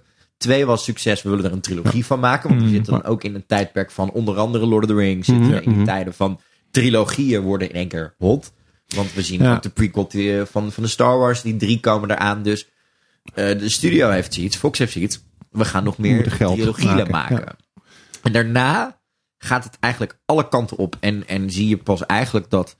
eh, en dan, gaan, dan zit er weer een soort piekje in. Mhm. Het piekje noem ik eh, Deadpool, Logan. ja, Deadpool. in Days of Future Past. Ja, klopt. En daarna is het Nou. Deadpool in- 2 is ook wel heel goed. Dead- Deadpool 2 is dan Ja. het laatste hoofd. Maar Deadpool vind ik, vind ik eigenlijk Ja. echt wel losstaan ja, maar van dan, die en andere daarna X-Men zakt het ook weer Ja. compleet in. En Nou, over, De- over Deadpool moeten we het zo meteen hebben. Wat, wat, je, wat je ziet, en dat is zeker nu, omdat je, omdat je Marvel ehm, ehm, hebt gehad met de eh, Infinity Saga. Hmm. Eh, de nu, we weten nu hoe dat kan en hoe je, hoe je. Eigenlijk gewoon, een- tv-serie is, maar dan elke aflevering Ja. is drie uur. we- en, en wat daar slim aan gedaan is, is dat de Infinity Saga, hoewel ze niet natuurlijk bij Iron Man al wisten hoe Endgame er precies uit ging zien, is dat ze wel een, een, een, een lijn hadden waar ze aan vasthielden en waar ze op voortgeborduurd eh, hebben. Dus je kreeg dan een end-credit scene, een post-credit scene, waarin iets gebeurde. En dat werd niet door de volgende film opeens helemaal teniet gedaan. Dat is een probleem met die X-Men films. En daar zie je ook aan dat zij een beetje stuurloos zijn. Ze zijn gewoon gaan maken. Hopen dat het succesvol is. En we misschien er nog eentje kunnen maken. Maar er zitten dus allemaal post-credit scenes ook in. Eh, die helemaal nergens op slaan. Omdat ze het idee vol- vol- volstrekt Nee, niet van tevoren zit- bedacht er hebben. Ook, kijk, ehm, eh, weet je, er worden tegenwoordig denk ik misschien wel iets te veel veren gestoken in de red van Kevin Feige. Mhm. eh, de, de man achter de Mhm. MCU, de Marvel Cinematic Universe, die hè, daar een soort van de leidraad bepaalt. Die trouwens van de X-Men films afkomt. Mhm. Ehm, eh, daar begonnen is en volgens mij daar ook. Maar Iedereen leert van fouten. ja, maar ik denk wel dat hij heeft een soort lijn, eh, los van de verhaallijn, over wat de, eh, de, de aesthetic is van, zo'n, van, deze, van, van de MCU. Hmm. Wat er wel en niet kan. Hoe, en omdat hij in het begin zo sterk is neergezet, kun je later, juist met een Thor Ragnarok en, Mhm. en een Guardians, kun je compleet Losgaan. Maar dan kan je variëren op wat doen. er is. het, Ja. het, het houdt nog steeds vast een aantal basisprincipes. Ja. Hoe je naar die karakters kijkt, hoe die karakters reageren. Dat het, eh, en dat, dat is bij de X-Men heeft daar nooit iemand zo goed op Ehm, Je ziet het ook heel duidelijk Het voelt alsof het van niemand is. dat, Klopt. Maar dat is het ook en dat zie je ook heel duidelijk in, in die films. Die, die films spreken elkaar eh, tegen. heel snel, al volgens mij naar de derde film, spreken elkaar tegen. Maar dat vind ik juist die- verfrissend daaraan. Dat ze die continuïteit gewoon loslaten en maar gewoon gaan kijken wat... In, het Ja, lijkt, als het gemotiveerd Ja, zou zijn, zou dit leuk niet- zijn. Hoeft ook niet per se kanon te hebben of zo. Nee. Dat, het, dat het allemaal klopt. Want dat is niet waar... Ik ben niet, ook bij, bij, bij Star Trek bijvoorbeeld... Ik ben niet zo'n soort fan die daar Nee. heel Mhm. erg ehm, waarde, waarde aan echt... En ik moet, zeggen, ik moet zeggen... Ik vond het hoe, hoe toen ehm, hoe ze met First Class, zeg maar, Mhm. eh, weer een soort nieuwe injectie daaraan Mhm, eh, proberen te geven. Dat, vond ik, dat vond ik eigenlijk best wel een leuke film. Ik vond het daar wel eh, leuk gedaan.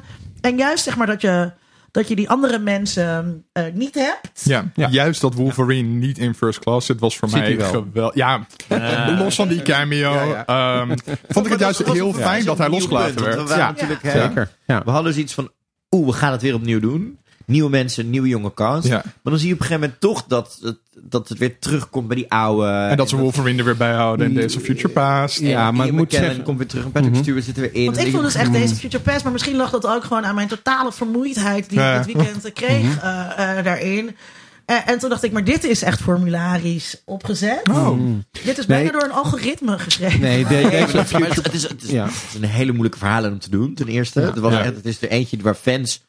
ehm, weet je, je hebt soms verhaallijnen die in de comics, denk ik... en dat is misschien ook wat het probleem met deze films... ehm, is dat de fans ook heel vocaal zijn. En de, fans liepen vanaf het begin al. Er zijn twee dingen die je doen moet. Namelijk Dark Phoenix saga. Nou, dat hebben ze nou twee keer geprobeerd. Eh, Gaan we het zo denk ik drama- nog even Ja, gaan we hebben. inderdaad even over hebben. Ehm, En deze Future Past. Dat, zijn, dat is de andere grote verhalen en die is zo goed. Maar precies wat je zegt. soms word je denk ik door herinneringen van vroeger of toen het toen was en hoe je het toen las als kind. Dat dingen heel goed waren. Ik bedoel, hetzelfde met nu ik kijk nu naar bepaalde series en denk ik, oh, dit was eigenlijk helemaal niet zo goed als het was. Maar door een soort sentiment schreeuwen die fans daar heel hard om. Terwijl het Ja. een hele moeilijke, hele vreemde verhaallijn. En ik denk dat dat ook Ja. het probleem is met deze films. Is dat er niet kritisch wordt gekeken naar ehm, zijn dingen uit hè, de comics en uit de animated serie qua verhalen technisch af en toe wel zo goed als dat ze zijn. Ofwel verfilmbaar. Ofwel Ja. filmbaar. En dat, is, en dat is het probleem. En dat werd natuurlijk met, met deze Future Pass is heel lang geroepen. Dat kan niet. Niet te doen. Veel te moeilijk. Gaat een publiek niet snappen. Ehm, en toen was het een soort van na First Class was het, hè, begonnen we een beetje in die richting op te gaan van de nieuwe X-Men. Ook omdat, weet je, eh, eh, er kwam een nieuwe cast in met jonge, nieuwe, hippe mensen. Jennifer Lawrence ging meedoen. James McAvoy. Michael Fassbender.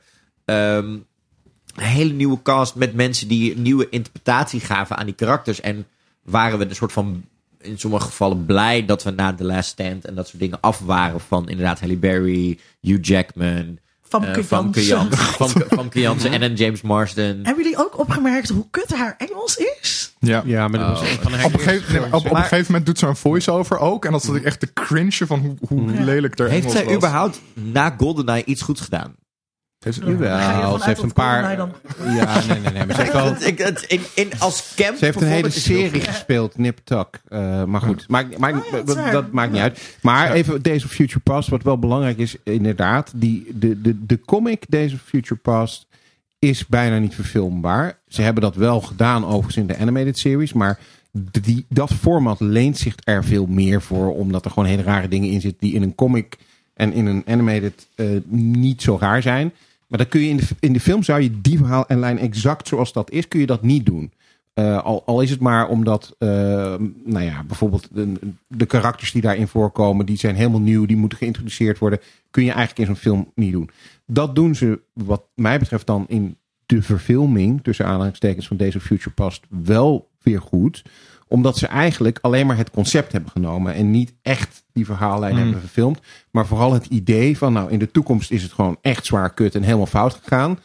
En we kunnen dat veranderen als we teruggaan in de tijd. Nou, ik hou sowieso van tijdreisverhalen. Dus in die zin vind ik dat wel een, een interessant en, en leuk gegeven. Vind ik het ook wel goed gedaan. Ik vond het juist wel weer. En ik weet dat dat ook onder heel veel fans populair is geweest. Juist wel weer leuk om eh, die combinatie van die beide casts Ja, te zien. vond ik ook, eh, Niet per se omdat ik zoiets had van nu moeten we nog meer van die oude Nee, cast zien. daar moet de maar Kamer meer als een soort van, van een fakkel over. Maar dat, maar dat is dus ook weer eh, wat jij ook eerder zei over ehm, hoe zeg maar die hele franchise eh, eh, bestaat uit risico mijden en zorgen dat je zoveel mogelijk geld eh, verdient. Dus ook door, door die twee verschillende ensemblecasts samen te brengen, dat is ook gewoon. Dan zie je eh, een trailer van zo'n film en dan denk je, wow, die Ja, het is echt zo'n eventfilm. Ja. En Ja. daarom ga ik, ja, het is een eventfilm. Het is een media Star Trek. Generations. En da- daarom ga je erheen. Ehm, maar elke, dat is ook een goedkoop trucje, weet je wel? En Hmm. Ja, Nou ja, maar, aan de maar kant goedkope trucjes kant- kunnen ook heel leuk zijn. het, Vergeet- het is een heel duur goedkoop trucje. Vergeet, en er vergeet ook enorme Ja. budgetten achter. Vergeet ook niet dat First Class ontstond naar wat eigenlijk het eerste grote digitale filmlek was. Wolverine Origins werd in hele ruwe staat, Een jaar, bijna een jaar voordat de film uitkwam, Gelekt. lekte die. Zonder special effects en alles. De Oh Een van nee. de Ja. eerste die de eerste die echt rond die tijd, Klopt. waar echt in zijn volledigheid Ik heb hem toen gezien. lekt. Oh. Dus echt een jaar voor release komt die film zonder CGI. Eh, komt Niet dat de. CGI-film. Nee, maar het, het was ook een kutfilm, maar en zonder was- CGI is die echt kut. Kijk, en het is een slechte film, maar dat was een paniekmoment. Want toen hadden de fans iets. Ho, maar nu ga je met iets wat. Oké, we kunnen je vergeven dat Last Stand was niet het beste. Maar X1 en X2 waren nog wel, hè? We zien eindelijk onze helden op het scherm. Hmm. Al het vertrouwen was weg. En toen kwam de echte film uit. En iedereen eh, want, eh, had het idee: oké, er is nu zoveel reactie op die gelekte versie. Ze gaan dit fixen. Want vergeet niet, het is inderdaad ook de, bijvoorbeeld de eerste versie waar we Deadpool zien.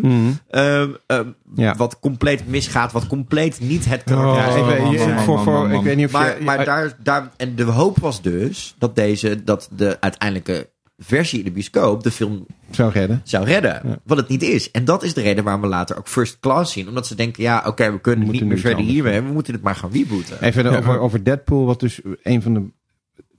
Een van de belangrijkste kenmerken van Deadpool. Hij wordt ook in de comic de Merc with a Mouth genoemd. Dus dat hij, hij heeft de hele dat is tijd zo onbegrijpelijk.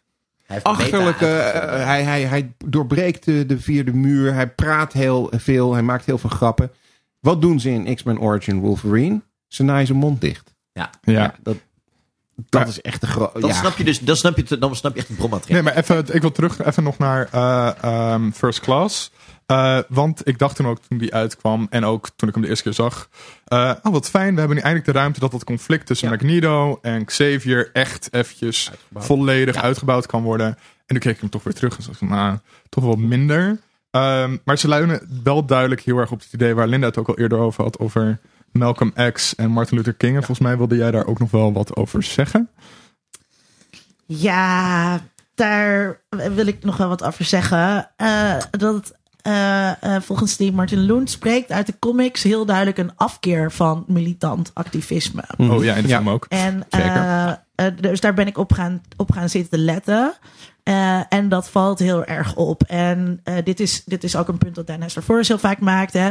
Eh, de superhelden opereren heel erg binnen de status quo, die zij ook als goed aannemen. En dat maakt dat hele, ook als je dan dus weer die allegorieën erin wil lezen, dan maakt dat dat dus gewoon best wel kut. Ja. Dus als je zegt, dit is een allegorie voor hoe LHBT'ers behandeld worden, dan verwacht je, ik verwacht dan, wat militanter activisme. En iets van gewoon pas je aan aan de heteronorm en dan komt het allemaal wel. Ja, maar de- dat de- is de we samenwerken met de hetero's en gewoon gaan trouwen zoals hetero's. Mannetje, vrouwtje in de Mannetje, relatie. vrouwtje. En oké, hè, eh, eh, je, bent dan wel blauw, maar je draagt gewoon een pak. Dus dan is het Maar ook daarom- Ja, maar ik denk dat het ook komt doordat, eh, eh, weet je, dit wordt voor een groot deel door, op, op Brian Singer dan na, weet je, door wel door eh, heel veel grote Amerikaanse hetero's gemaakt, die grote in studio's. En zij zien gewoon, zij zien het niet zo diep. Nee. Zij zien letterlijk, we moeten uitleggen dat praten en dialoog belangrijker is dan geweld. Nee, maar het, En zit, dat- dus- en maar het dat- zit ook en- al en- in die en die- comics Ja, dus. hè. zit- Ja, en dat Ja, is, ja, ja. maar dat, die zijn natuurlijk ook, hè, Dus, dus- ja. die, zijn ook, Maar de- daar zit, die zien die laag ook niet. Zij Klopt. zien alleen de simpele laag, En de- en de waarin comics- wij hem misschien wat meer zien. En de comics zijn, want dat wil jij ook zeggen, die zijn inderdaad eh, eh, eh, begonnen tijdens de Civil Rights. Movement, waar naar gekeken is. Maar er zit dus wel echt een afwijzing Zeker, maar dat was eh, Marvel. daarvan in. Daar hebben we het ook wel eens over gehad tijdens eh, volgens mij onze Stan Lee eh, aflevering. Dat was ook in die tijd echt zo. Marvel ehm, is altijd een beetje ambigu en, en, en dubbel geweest. Enerzijds deden ze dingen die veel voor, vooruitstrevender of, of, of in ieder geval anders waren dan DC. DC was altijd veel conservatiever, behoudender eh, in de verhaallijnen en in de superhelden. Marvel heeft, ja, Marvel heeft altijd eh, veel vooruitstrevender helden en gedachten achter die comics gehad. En zoals ook de X-Men. Nogmaals even wat je verder ook van de implicaties vindt. Het is een iets vooruitstrevender idee, zoals je zelf al zei, dan Batman of, of Superman, eh, die X-mannen. Ehm, maar tegelijkertijd... Dat heeft zei ik niet. Nou, zeg zei, ik dan. zei, het zeg gaat ik dan. meer bij, daarbij gaat het meer over anti-helden, precies. Het eh, gaat hier- gelaagdheid en onderlinge Ja, relatie. precies. En wat je, eh, wat je altijd bij Marvel hebt gezien, is dat ze een heel moeilijke relatie hebben gehad met, de, met wat ze konden doen. Eh, ten eerste met de Comic Book Authority. Dat was toen nog echt een ding. Hè, van wat mogen we überhaupt in die comic laten zien? En daar zit dus ook in dat je dus niet Malcolm X mocht verheerlijken. Want dan werd die comic gewoon eh, van de schappen getrokken. Dus die kon je niet maken. En tegelijkertijd dat Stan Lee zeker in die tijd ook veel autoriteitsgetrouwer was. En veel meer op die lijn zat van nou, we moeten onze comics ook aan eh, de legerbasis in Duitsland kunnen verkopen. Dus we gaan niet iets laten zien wat heel erg tegen de autoriteit eh, ingaat. En tegelijkertijd zat die subversieve laag er wel altijd in. Nogmaals, ja. dat je überhaupt dit thema ter, in, in een comic brengt. Maar dat was 1965. Ja, maar dat, Ja. dat vind ik nu dus ook in, in die films. Het is een soort lauwwarm liberalisme dat dan zit van... Ja, weet je, representatie is wel goed en daar moeten we gewoon naartoe werken. En dat komt ook allemaal wel goed. En allemaal een beetje aarzelend en de wet twijfelen. geregeld is, En, en, en, en, een beetje gewoon, het is, het is progressief, maar heel veilig, heel erg. We Ja, verwijzen ernaar. Er zit wel... Dat, dat, en dat, dat, dat Ze stoot me wel tegen ja, de nee, dat is ook zo. Alleen maar dat, gaat, dat, dat ligt er ook weer aan hoe je het. Wat we hebben het al vaak genoeg gezegd, de auteur is dood. Hoe je het zelf wil zien. Ja. Kijk, ja, eh, als je naar Charles Xavier en zijn gedachtegoed kijkt, dan zit dat er wel duidelijk in. Eh, bij Magneto evident niet. En dan zeg jij van ja, maar Magneto wordt heel duidelijk Wat zit er bij, bij eh Xavier in wat bij Magneto er niet in zit? Eh, Xavier is heel erg eh, aanpassen en eh, eh, eh, Oh, ja. conformeren. En Magneto is heel erg trots. eh, eh, eh, mutant and proud is letterlijk een van de dingen die ze, Ja. die ze zeggen. Ehm, als je je wil identificeren met Magneto, kan dat. En er zitten ook genoeg momenten in de, eh, ook in de films, waarin eh, ze laten zien, of nou ja, waarin in ieder geval eh, de suggestie wordt gewerkt dat Xavier helemaal niet de juiste keuzes maakt en helemaal niet goed bezig is, maar dat Heel Magneto paternalistisch misschien is. wel gelijk Maar heeft. lees jij dat erin? Ik wel, want ik, ik ben een grotere fan van Magneto dan van, van, van eh, Professor X. Absoluut. En vind je dan... Ik denk, dat het, ik denk dat het wel in de latere versies zit. Ja. Het zit veel meer Veel in, meer in James Fassbender. McAvoy- Het zit veel meer Ja, in de ja. James McAvoy versie van, eh, Mhm. van Xavier. Dat hij ook echt wel fouten maakt en dingen doet. En dat, eh, hè, terwijl Magneto het, het een stuk misschien wel, misschien soms bij het, het, het rechtere eind heeft. Of misschien uiteindelijk eh, het, het doel heiligt niet de middelen. Maar het doel van, eh, van zeker van, van, van Magneto kan zou zo misschien wel beter zijn. En Mhm. eh, ehm, dat zit in die eerste films totaal niet. Dat, zit Nee. echt, dat komt er echt pas vanaf First Class. Door, door de gelaagdheid die die twee kunnen Klopt. spelen. Hmm. Zit dat er, En door er- Jennifer Lawrence eh, en, en eh, Mystique. Want die speelt heel duidelijk. Dat is ook heel anders dan in de eerste fi- films. Zij speelt heel duidelijk een tussenrol tussen Magneto en Xavier. Waar ze de hele tijd tussen laveert. En duidelijk ideologisch meer aan de kant van Magneto staat. Maar in de zin van geweldloosheid veel meer aan de kant van Xavier staat. Maar ik kies er in de latere films ook wel veel meer een kant. Ik bedoel, Ja, in klopt. Apocalypse en eh, ehm, Dark Phoenix is er gewoon een X-Man. Ja, Right? klopt. Ik vond dus ook inderdaad eh Mystique als eh, Jennifer Lawrence als Mystique veel politieker. eh, Absoluut, en daarmee absoluut. ook interessanter. Ja, dat krijg je ook, wederom, dat krijg je niet uit Rebecca Romein. Maar, maar Die, en Nederlandse acteurs nou, moeten gewoon oprotten daar. Maar ik vond haar dan wel weer eigenlijk dus geen waardige eh sequelist. Omdat ik er een beetje een dwerg vind in vergelijking met Rebecca Romein. Dat ging ik opzoeken. Dus is 1,75. Dus dat scheelt maar 5 centimeter. Maar Oh, kijk. toch nog even gezegd Oh, ja. Dat, ehm, maar ik, ik wou nog wat, wat zeggen over, ehm, over, over die politiek, zeg maar, die er nou, die er nou in zit. En natuurlijk, het is allemaal eigen betekenisgeving. en, en dat maakt deze franchise, denk ik, ook heel interessant. Ehm, toen ik er naar zat te kijken, toen dacht ik, zeker ook bij deze Future Past, het gaat helemaal niet om ethiek of om ideologieën, maar ik voelde het dus heel erg gaan over persoonlijke verwijten. Dus de conflict Mhm, tussen Xavier en. Magneto Ja. gaat eigenlijk over, was je er voor je soort? ja, ja. In plaats van, wat is nou het goede? En wat ik zo Wat jammer... betekent het er voor je soort te zijn, überhaupt? Ja, en wat ik zo jammer vind, is het moet zijn. Kijk, want ik snap wel wat je zegt. Natuurlijk is het altijd, weet je wel, schipperen tussen commerciële belangen en wat je kan doen Mhm. en wat je überhaupt wil ook eh, eh, daarmee. Maar ik, voor science fiction zou ik toch ook wel graag iets zien van hoe het, hoe, hoe het anders kan. Hè? Ja. Dus of dat nou dystopisch is of utopisch. Eh, maar dat, dat, dat gebeurt dus eigenlijk nooit. Dat is Bij- Logan. En uh, bij, bij X-Men. En, maar toen, en toen vroeg iemand op Twitter van... eh, was, was er geen samenvatting van al die films? en toen zei ik, Ja, ja, het zijn zeg maar gemuteerde slechterikken... die willen de wereld kapot maken... en de gemuteerde goede rikken die willen dat voorkomen. Mhm. En dat is het dan elke keer weer. Dus elke keer die herhaling. En, en dat is het dan. Dus ik krijg ook geen ander mensbeeld hierdoor. Of ander toekomstbeeld. Of ander... Nee. Er er Nee. wordt mij niks... Maar dat- dat is denk ik- dat- nee, dat- Het is maar dat klopt. liberalisme. Ja, maar Dat, dat klopt. Maar dat is natuurlijk e- ergens een beetje inherent aan de comic-serie aan zich. Hè? Die, die, die comic-serie moet... Allemaal de, schuld, allemaal de schuld van Spike Lee. Nee, nee, nee. Stanley. Stanley. Eh, nee, nee, Spike Lee had hem radicaler gemaakt. Was dat maar de schuld van Spike Lee? Ja.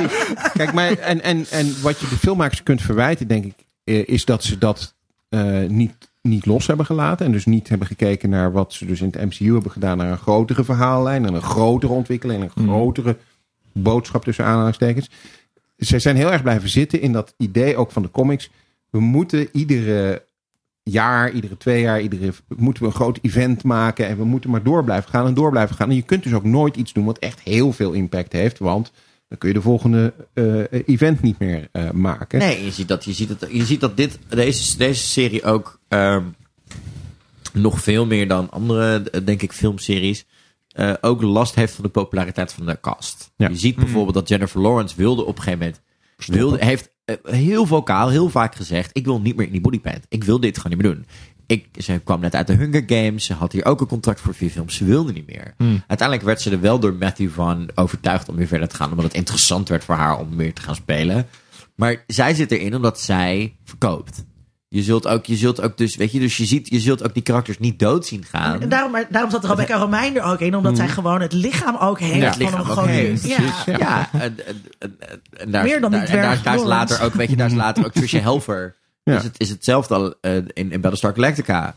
Eh, die wordt ook op die manier gecast. Maar je ziet gewoon hier, en bij deze, film, bij deze filmserie ook, is dat het, het gaat om de populariteit van de karakters. Logan had het nooit zo lang overleefd als Hugh Jackman niet en op dat moment eh, eh, de mannen aansprak als idealist. eh, of idealistisch qua hoe je lichaam eruit moet zien en hoe je to- eh, een beetje het, het, het, het, het- hij toont nergens zijn emotie, dus de man heeft ook als je het kan wel zo. Hij is wel eens boos, hè? Het, Hij dat, is wel hij is wel, ja, maar hij is wel boos, maar hè, andere emoties en, en compassie en dingen. emotie voor dat soort Ja. mannen. Ja. Ehm, die, die zitten niet in. Vrouwen vinden hem heel die zwoelen, die vinden hem oh, zo, zo, en zo charmant en oh. En, eh, en, en daarom overleeft dat karakter het ook steeds maar weer. En pas op het moment dat James Mangold met hem aan de slag gaat later, wordt het echt een interessant karakter. Daarvoor is ik helemaal niet interessant. Wanneer gebeurt dat? Dat- Logan, Logan. Logan, de laatste film. Ja, maar dat is eh, toch ook met die gast? Jazeker, Ja, maar dat is dat echt- is Hugh dat is- Jackman. Maar dat, Logan is, is is, is, een briljante eh, eh, film. Maar dat is toch dezelfde acteur? Zelfde Ja. acteur. Want Sterker, ik, ik heb er net anderhalf uur naar zitten kijken. Dat ik niet sterker nog, Ja. eh, Patrick Stewart zit er natuurlijk ook gewoon in als, als, als eh, Charles Xavier. Eh, maar dat is gewoon een heel goed verhaal en het wordt heel goed in beeld gebracht. Ja, het is een hele goede, de goede, qua beeld ook een hele Je goede kunt- film. Maar je ziet dat... dat Ik vond het ehm, zo met Maxi. Ja, Ja, ja. dat is de kleurstelling. Ik snap waar je, Ja. ik snap waar je naar zit. Ja, maar het, het zit meer in de lijn. Het is echt geen toeval. Je kunt, Ehm. eh, je kunt Logan ook echt, denk ik, los zien van Ja. alle andere Ja. films. Net zoals trouwens de, de, de Deadpool eh, films. Maar Logan was ook denk ik voor veel een, een soort van hoop van... Je, als je een goede, interessante filmmaker hebt... die, die, die, die, die Ja. kijkt naar het karakter en niet kijkt naar... ehm, eh, eh, wat zijn de verhalen en of wat kan ik eruit halen. Maar gewoon alleen kijkt naar wat is het karakter... en wat kan ik daar aan interessants uithalen... Hmm. Eh, dan kun je dus wel een interessant, een interessant film maken. En een goede film maken. Ik vind het heel grappig, omdat toen ik, toen ik dat dus gevraagd had van, ik wil niet meer uitleggen wat er leuk aan is. Toen zeiden allemaal mensen, nee, heel veel dingen zijn kut, maar je moet wel Logan kijken. Terwijl ik ja, maar die is dus helemaal pas aan het einde. ja, dat Ja. Maar Maar iedereen kwam Ja. ook wel zeg maar, met Logan als, als de goedprater van de reeks, zeg maar. en Ja, Deadpool. het En. Deadpool. En Deadpool. Want Deadpool, Maar Deadpool vind ik toch wel. Maar voordat we naar. Deadpool gaan, wil ik nog aan Tom vragen. Wat vind jij van het hele ehm, ehm, Martin Luther King versus Malcolm X Ehm, projectie? ik, aan die hele projectie vind ik überhaupt dat mensen altijd Martin Luther King veel te niet, niet radicaal genoeg verbeelden. Eh, want hij was veel radicaler dan mensen denken dat hij was. Ehm. En dat komt dus ook bij Xavier weer niet uit de verf. Dus het werkt niet, die allegorie tussen hem en eh, eh, Martin Luther King. Omdat Martin Luther King ook wel echt zat van... nou, er mag wel echt een be- een beetje goed tegen aangetrapt worden. Eh, die was niet alleen maar van de appeasement en we moeten ons aanpassen... en dan komt het wel goed natuurlijk. Martin Luther King was veel meer van... je moet trots kunnen zijn op dat je zwart bent ook. Ehm, en later nog veel radicaler geworden. Ehm, en ja, ik vind het gewoon een be- beetje flauw. Ook omdat dus Magneto altijd als slechterik neergezet wordt. Ehm, dat daarmee dus ook gewoon de weg van Malcolm X en heel zwart nationalisme als traditie van denken in de VS gewoon weggegooid wordt als van dat is kwaadaardig. Terwijl daar eh, hele legitieme argumenten gemaakt worden over als je als een soort als zwarte bevolking als een soort ehm weggooiburgers gebruikt wordt, dan, ja, dan mag je daar iets tegen doen. Dan mag je daarvoor opstaan en mag je jezelf echt actief gaan verdedigen. Ehm, en Magneto wordt altijd weggezegd als iemand van, ah, hij wil alle gewone mensen onderdrukken. Terwijl als je echt die vergelijking zou willen maken, zou je dus Magneto een verhaal aangeven waarin hij veel meer gericht is op zelfverdediging en eh, het organiseren van die gemeenschap. Maar en ik denk, dat, ik denk dat het, het, het, het vreemde is ook dat zeker in de films proberen ze Magneto af en toe ehm, de kant van een dictator op te sturen. Terwijl Ja. juist hij komt vanuit de Holocaust. En dat is wat voor mij ook wringt hoor. Ik heb ze gedeeld ook allemaal ook weer zitten kijken en door één of twee gewoon echt heen gespoeld. Ja. Door skippen dat ik denk, ja, deze scène is ook niet belangrijk voor het Nee. verhaal. Let's go. En dat is wel het vreemde. Af en toe gaan, geven ze hem echt een soort van dictator en neigt hij zelf naar genocide toe. Maar Ja. dat, komt, dat komt dus denk ik... En dat is ehm, heel vreemd. Ja, en, en dat heb ik dus, dit argument ontleen ik dan dus echt aan, eh, aan eh, dat artikel van Martin Lund. Ehm, dat, dat komt dus door dat eh anachronisme van de tijd. Dus toen, Ja.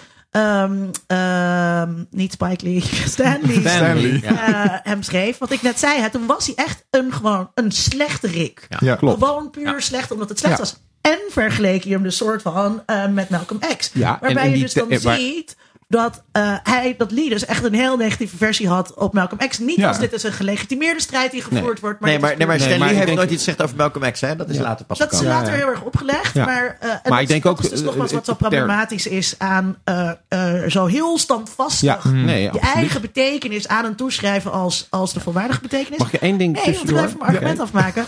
Dat is dus aan de ene kant, zeg maar, hoe eh eh, Magneto is gezien. En dan daarna is dus die Holocaust backstory erbij gekomen. En die twee worden nooit met elkaar verenigd. Nee, en, en misschien nog wel één ding. Het is niet ter verdediging van Stanley, want dat, dat hoeft niet. Maar Hij is dood. ik denk dat is dood. het beeld... Hij is dood. Dat is- Nee, maar het... eh, het- Daar moet je het- daar gewoon een jingle van maken. Ja, dat is ook- ik, ik denk dat het beeld van eh, de, iets, het genuanceerdere beeld van Malcolm X en Martin Luther King eh, allebei anders dan het stereotype beeld wat Hmm. mensen daarvan hadden, ook wel iets later is gekomen dan toen in de jaren 60. Tuurlijk had je ook in de jaren 60 mensen die daar genuanceerd over dachten en die dat wel zagen. Maar ik denk, en nogmaals, een klein beetje de verdediging van Stan Lee.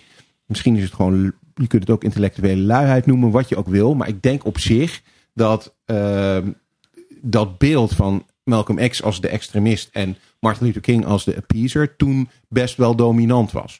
Ja, en, en kijk, als je ook naar deze films kijkt in het Dat tijd... denk ik niet. Nee, Ja, het is, dat, dat, vooral van Martin Luther King als de appeaser, dat is heel erg gekomen na zijn dood. Eh, dus toen is hij, is hij veel eh, eh, ehm, groter en mooier en Nelson Mandela-achtiger gemaakt. Net als Nelson Mandela zelf. Ja. Eh, eh, dat dat Ja. kwam door zijn, door zijn eh, dood. Dus ik denk in die tijd, maar goed, dat vind ik heel moeilijk om te zeggen, want ik ben niet gespecialiseerd in de beurt. Maar dat was niet zeg maar ten tijde van de beurt dat hij toen zo gezien werd als, als de zevier versus. Martin de- Luther King werd Nee. destijds gezien als een staatsgevaarlijke radicaal. Ja. En, en vergeet ook niet dat je dat zeker de eerste films eh, eh, nog in een tijd spelen ehm, eh, of gemaakt worden in- rond het millennium, rondom 9/11, rondom Bush, rondom hè, eh, eh, eh, bin Laden en, en, Ja. en, en dat soort dingen die zeker in Amerika heel erg ook nog eh, een soort bangmakers waren en Ja. dat die in die films dus moest er ook wel wordt er wordt er ook een soort van half commentaar op geleverd van hè, eh, misschien moet je meer de compassie zoeken in plaats van de dingen. En dat is dus ook waarom ze denk ik heel erg de kant van Xavier kiezen in deze films in het begin. En dat is dus de, dat is dus de ehm, luiheid, zeg maar, die er dan dus ook weer zit in, die, in, in zo'n allegorie. Van oké, dus het is Joods en daardoor begrijpen we hem een beetje, maar hij wordt eigenlijk helemaal nooit doorgetrokken tot het heden. Nee. En jij, Tom, jij had in het, het draaiboek geschreven. Ja, daar wil ik net over gaan beginnen. Ja. Eh, over Rogue's genezing, bedoelde Nee, je dat? over Of- heeft McNido niet gewoon gelijk. oh ja, maar McNeil heeft gewoon gelijk.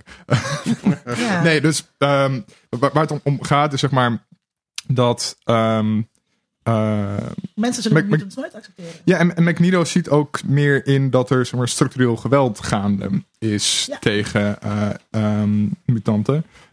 Terwijl Xavier alleen maar een soort van nauw eh, gefocust is op zeg maar, fysiek geweld en dat soort dingen. En dat willen tegengaan en daar wil hij wel om ingaan. Maar hij ziet niet dat de hele maatschappij tegen mutanten is ingericht. Ja. Eh, en dat de overheid ook mutanten niet ziet als volwaardige burgers en dat soort dingen. En Xavier heeft daar geen antwoord op en Magneto wel. Ja. Ja. Eens. Ja. Ehm, en ik wilde dus ook nog. Maar eh, is. Mag- is. Magneto, is- Magneto, wat zeg ik zeker in de films, gaat hij echt wel naar de neiging toe van de wereld zal alleen maar uit mutan- mutanten moeten bestaan Ja. en de Mhm. normale mens moet eigenlijk allemaal dood. Dat is wel de kant waar op een gegeven moment de films heel erg naartoe neigen. En dan sla- slaat dus die Dus- metafoor van Malcolm X compleet plat. dus, Eh, dus, ja, dus in hoeverre maar- heeft Magneto gelijk? Is Maar dat dan, komt ook doordat ze de hele tijd over evolutie zitten te lullen. Ja, ja, En dat wordt dus ook niet doorgetrokken. Want als je dat doortrekt, ja, dan is het ook dan, dan, dan zal eh, de mens ook. eh, dat is ook logisch dat Ja. hij uitsterft. Ja, oké, maar- Omdat En dat de Maar dat is mutanten wel weer een beetje weer gekke e- evolutionaire psychologie die er dan bij komt kijken. Ja, klopt. En het is altijd het, gek, evolutionair. Dit, dit wordt gewoon de nieuwe X-Men, wordt gewoon door Darren Aronofsky gemaakt, denk ik. Dit is- ja. Maar dat is natuurlijk inherent aan het feit dat het geen eh, eh, exacte eh, parallel is, maar Nee. dat ze ervoor kiezen dat het mutanten zijn. Precies wat jij zegt. Dan heb je het even over evolutie. Het wordt ook eh, eh, homo superioris of zoiets genoemd. Ja. Hè? Dus ja, logisch dat, dat ergens, ik bedoel, als je uitgaat van de logica van de film, als je die ultiem doorvoert, ja, dan kan het niet anders dan dat Magneto zegt, ja, eh, die homo sapiens, die moet gewoon eh, weg, want nu zijn wij er. Maar ik vind het dus heel grappig, want het gaat dus over, met dat mental Auschwitz en zo erbij, is het dus wel ook wel een angst voor het idee van de Ubermensch Mhm. en zo. Maar tegelijkertijd zijn het ook Ubermensen. Ja, Ja, dat, is dus, ja. dat zeg ik Ja, dus. ja. Dat is dus het hele vreemde aan dit hele... Ja. Ja. Eh, en dan ben ik het helemaal met je eens. Dat die backstory en de ideologie van, van, van Magneto kloppen ook voor een meter met elkaar. Ehm, Want hij heeft, geen, hij, ja, hij heeft dus niet echt, hij heeft activisme, hij heeft een soort blind activisme, maar hij heeft dus Mhm. geen uitgewerkte ideologie achter. Nee. Ehm, Ja. ja. maar dat is ook weer, weer met zo'n metafoor die misslaat van Rogue wordt op een gegeven moment genezen in de Mhm. derde film. En dat Good for her. Maar, ja, maar dat is dus als je die metafoor vanuit die eerste en tweede film doortrekt, van dat het over of jo, ofwel Joden ofwel LHBT'ers gaat, is zo'n genezing natuurlijk wel een beetje raar. Ja, maar, maar volgens mij is de boodschap in de film ook wel dat dat niet de juiste weg is. Eh, Nee, maar bij iedereen Rogue wordt het als mag. sympathiek. Terwijl het is, maar als Mhm. ik puur redeneer vanuit wat Rogue's mutatie is. Ik bedoel, ze raakt mensen aan en Mhm. die mensen hebben dan pijn en gaan dood. Ja. Ehm, dat is een mutatie die ik niet zou willen hebben. Nee. Maar dat is natuurlijk niet iets wat je hebt als Joods bent. Dan is het Nee. niet dat, dat jouw zij er- identiteit Nee, gevaarlijk is. Al zijn er natuurlijk wel mensen in de geschiedenis die dat soort dingen gevonden Gedaan hebben. hebben, En ja. ook, hè, dus ook als het Ja. gaat over homoseksualiteit, zijn er Ja. ook mensen die gevonden hebben dat als je als homo iemand aanraakt, dat die dan besmet raakt met die Ja, maar, de, eh, ja, Ja. En, ik bedoel, maar nogmaals, ik weet niet of je die, die parallellen allemaal zo moet trekken. Maar Nee. er zijn natuurlijk ook bijvoorbeeld eh, Joodse mensen geweest die ge- niet Joods wilden zijn en er alles aan deden om Hmm. niet Joods te zijn. Er zijn LHBT'ers die ook zelf, natuurlijk ingegeven door een, een walgelijke maatschappelijke druk om dat te vinden, maar die niet LHBT'er wilden zijn en wel genezen wilden worden. Ah ja, maar dat, Eh, dat, bedoel, maar dat vind ik dus wel dat, wat, dat, dat daar werpt de, de films dus wel een interessante Ja, vraag op, ook ja. over passing. Ja, Ja. Dus Mm. ehm eh, Ja. Mystiek eh, ehm, wil niet passing Ja, eh, zijn, want ze zegt dat zou, ik- dat zou ik niet moeten. En oh ja, ik moest nog even melden dat eh, nerdy Nicholas Holt heel geil is voor mij. Oh ja, ik, ik, ja, Ha. dat iedereen, denk ik. ik zit hier nu echt heel hard met te, te wapperen, maar ik snap Ja, je ja. heel erg Sorry, goed. ik moet er Ja. ook even bijkomen, dus dat wapperen, dat wapperen was Mhm. goed. Ehm, maar eh, omdat hij, zeg maar, ehm, eh, als Hij wil het wel. Kan, hij, hij, Ja. kan, het- hij, hij, hij kan het ook eh, eh, goed beheersen en controleren. Maar zij hebben dus wel ook een mutatie die heel eh, visueel Hmm. Is. ehm, ja. is. En toen ging ik daarover nadenken. Al, eh, en toen moest ik nadenken over de body positivity Mhm. beweging. Waarin, jee, weet je wel, zij allemaal dik en trots is zou erop. Terwijl voor heel veel mensen, als je hen zou vragen van als er een pil was waarmee je nu in één keer dun en eh Ja. eh, voldoet aan het schoonheidsideaal, denk ik dat al die mensen zouden zeggen, doe maar die pil maar. Ja, dat- Want dan kan je makkelijker rennen en dan heb je minder last van je rug en al die dingen. En oh ja, je, je past in één keer binnen eh, eh, de norm, Ja. binnen het plaatje. Nou, dat, dat, dat idee van body positivity en passing zit bijvoorbeeld ook heel erg, en dat logisch, want die serie is van nu. eh The Gifted. The Gifted is een X-Men serie, alleen speelde het zich af in een tijd dat de X-Men niet meer bestaan. Het gaat dus over normale mutanten. Ehm, en daar zitten ook scènes in waarin eh, mutanten die dus visueel zichtbaar gemuteerd zijn, Ja. eh, met elkaar een gesprek hebben over van ja, wij kunnen niet passen. Wij kunnen Hmm. ons niet uitgeven voor normaal. Dus voor ons is het geen optie, wat sommige van die anderen wel eh, kunnen. Eh, en dat zie je wel in zoals. Maar ook weer, ja, The Gifted is een serie, dus meer tijd. Dus ook Hmm. ruimte voor karakterontwikkeling. Ook heel duidelijk een, een schrijversteam. Ik heb met de maker van de, van de Gifted kunnen spreken op Comic Con Oh, heel duidelijk uitgelegd ook van wij hebben een schrijversteam dat divers is. Waar mensen van kleur, waar vrouwen, waar LHBT'ers in zitten. Waar deze thema's ook aan bod komen. Het is natuurlijk iets totaal anders dan hoe die films zijn gemaakt. Hmm. Dus in zo'n serie krijg je meer ruimte, meer eh, gelegenheid om dit soort thema's beter eh, uit te werken, beter in beeld te brengen. Nou ja, maar ik denk dus ook, wat ik, wat ik, wat ik eerder zei, dat is elke titel, elke X-Men titel, of dat nou om die comics Mhm. gaat of om eh, de jaren 90 animated series of om deze films die ook een lange periode eh, bestrijken. Je moet elke film steeds zien in het tijdsgevricht. Ja. Van Mhm. toen waar het dan een reactie op is. En we zijn nu natuurlijk wel echt geobsedeerd met representatie Mhm, en diversiteit. Eh, dus dan is het ook heel low. En terwijl we inderdaad eh, eh, bij 9-11 meer geobsedeerd waren met terrorisme. Maar het zat en er best, het zat representatie, diversiteit. Is dit wel een van de eerste franchises waar dat echt, zeg maar, hè, er zit... Maar niet per se in, in, in de tekst, wat mij betreft. Nee, niet in de tekst, wel Ja, dus gewoon, je, hebt, je hebt één. In Nee, de- nee, maar juist niet in de casting. Want je hebt één zwart karakter in de originele trilogie. En voor de rest zijn het voornamelijk hetero mannen en vrouwen, allemaal wit. Mhm. Ehm, die erin zitten. Ja, dus ik vind ja, het niet Rogue wordt divers. nog wel een soort van half mee neergezet. Je hebt natuurlijk ook wel...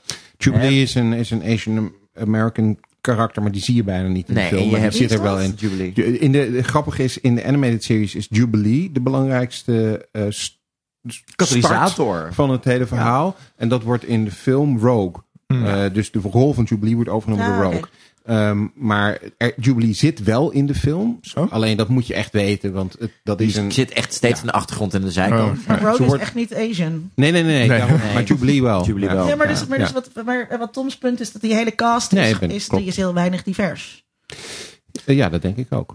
Ja, eh, ik ben even aan het denken. Ja, Misschien voor is die het... tijd bedoel ik, zit Mm. het wel, zitten er wel al een aantal dingen in die later worden uitgebreid. Later wordt het meer hoor, maar ik denk Mhm. wel dat het voor die tijd zeker.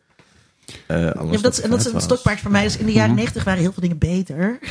en wat je nou zelf zei, daarvoor hadden we dus Blade gehad. Weet Ja. je wel? Ja, Dat, dat verge we, ge- we vergeten te makkelijk, zeg maar, dat, het ook, dat er in de jaren negentig eh, veel. heel veel diverse representatie was. Wat daarna weer Mhm. is ingezakt. En dit Eens. is precies wel...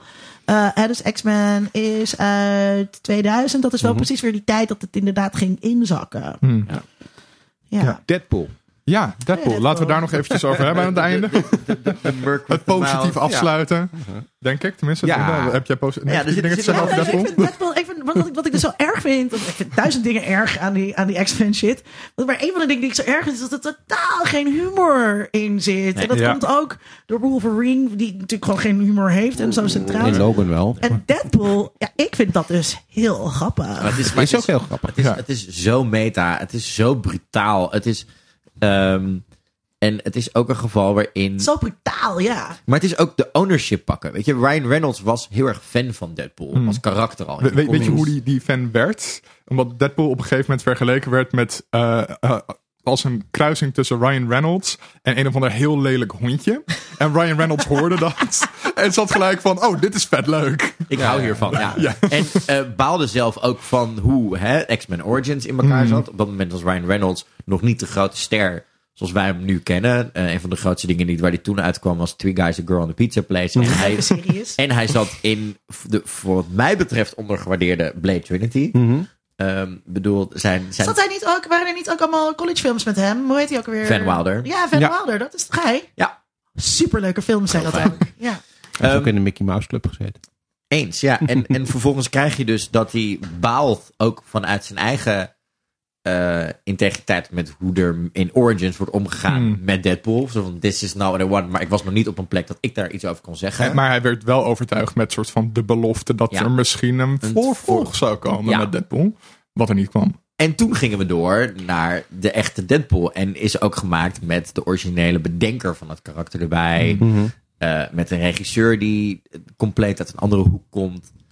En daar komt in één keer die eerste trailer. En in één keer heeft hij zoiets. Wow, dit kan gewoon. Ja. Dit, dit, want op dit, we zitten hier ook in een periode dat heel erg.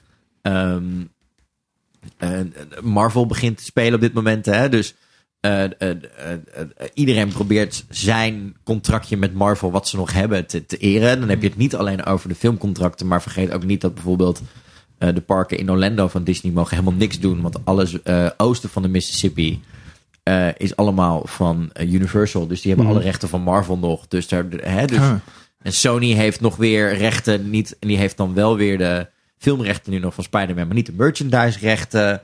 Eh, Disney is hier oprecht ook in deze tijd, wat heel belangrijk is, druk bezig om de X-Men comic, omdat ze Marvel hebben, de grond in te duwen. Die zijn eh, moedwillig mee aan het werk om te zorgen om de franchise zo laag mogelijk te houden. Dat, dat Fox op een gegeven moment echt opgeeft en doet.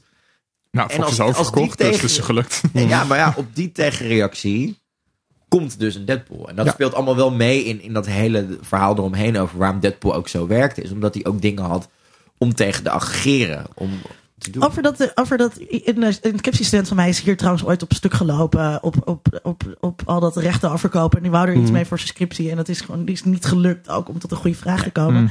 Maar dat had ik een beetje ehm, te bedenken. Want ik heb de Deadpool films heb ik gezien. Dus die heb ik, heb ik pas geleden nog gezien weer. Dus die heb ik niet nu herkeken. Maar zat me af te vragen.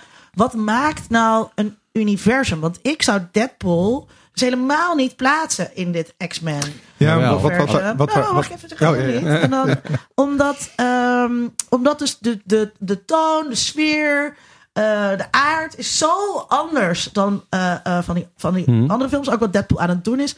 En bestaan, zeg maar, in, ja, in dezelfde wereld maakt nog niet dat je, dat je eigenlijk in dezelfde franchise... Dat, misschien, dat is misschien meer mijn vraag. Weet je, Hm. Is het wel dezelfde franchise?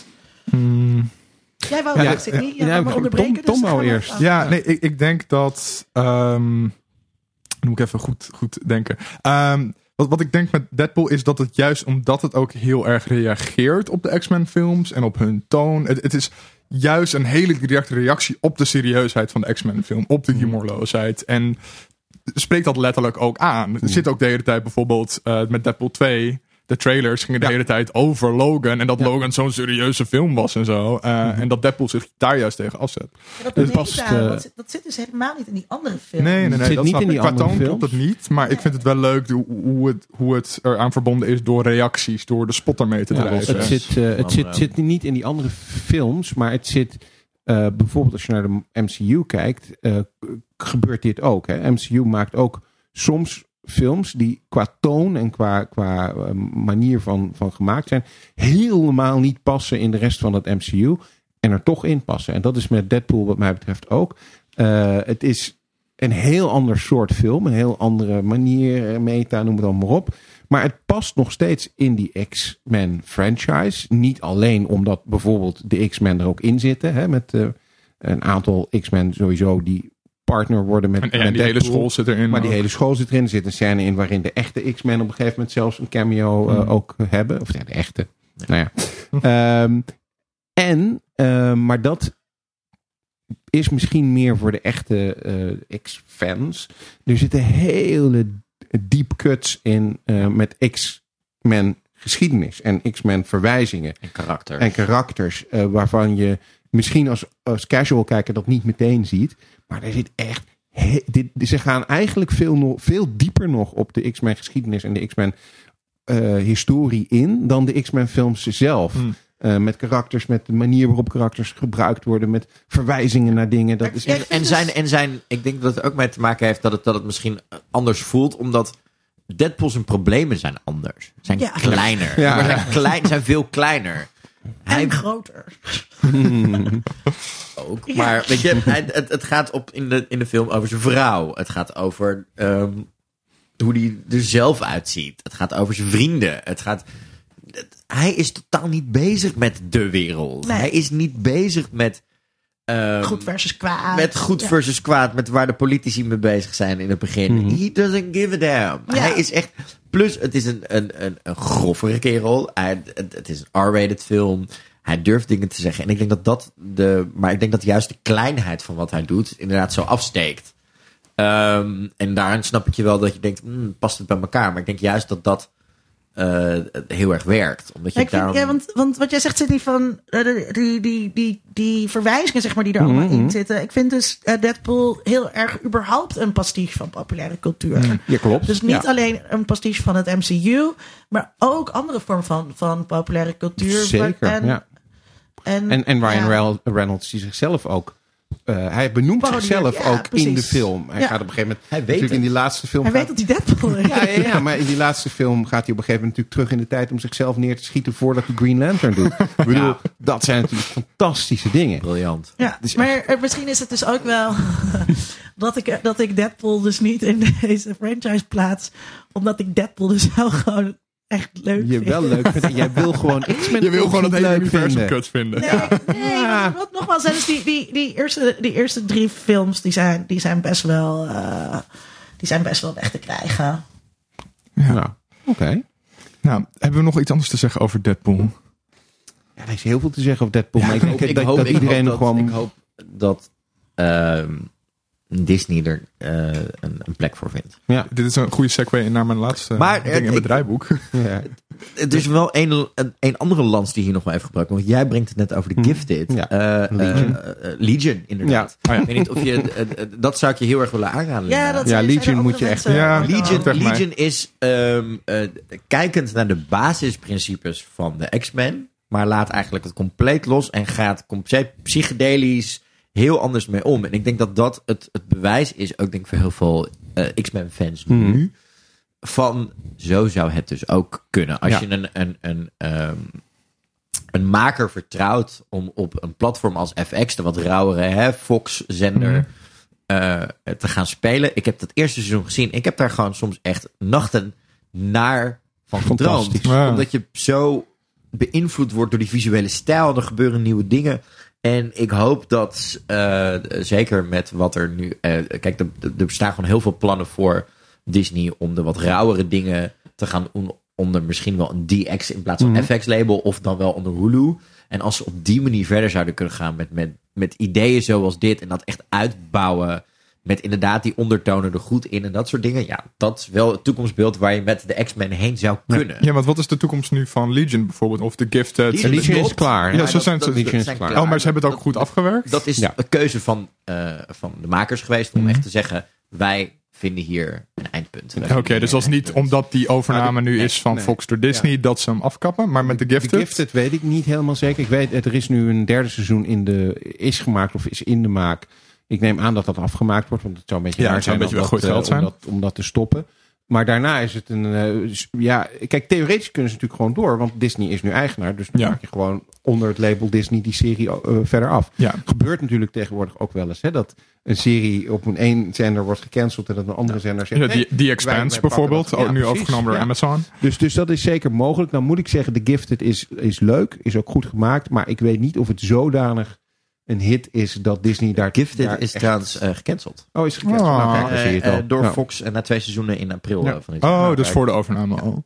Oké. Nou ja, goed. Maar, Maar, werd ook niet zo goed bekeken. Nee, precies. Moet ik ook wel zeggen, eh, eh, wilde in sommige gevallen ook echt wel iets te veel aanschurken tegen de Riverdales en de tieners. Ja. Oh, oké. Ja, ja, ja. En, en durfde dus af en toe, ging iets te veel in op, oh, but I'm leaving my boyfriend. But... Like, nobody cares. Ja. Weet je? maar goed, zoiets als. Legion, dat is, de, Legion is, is, is fantastisch goed gemaakt. Fantastisch goed geacteerd ook. De cast is Mhm. heel goed gekozen. Ehm, en gewoon, ja, ik zou bijna...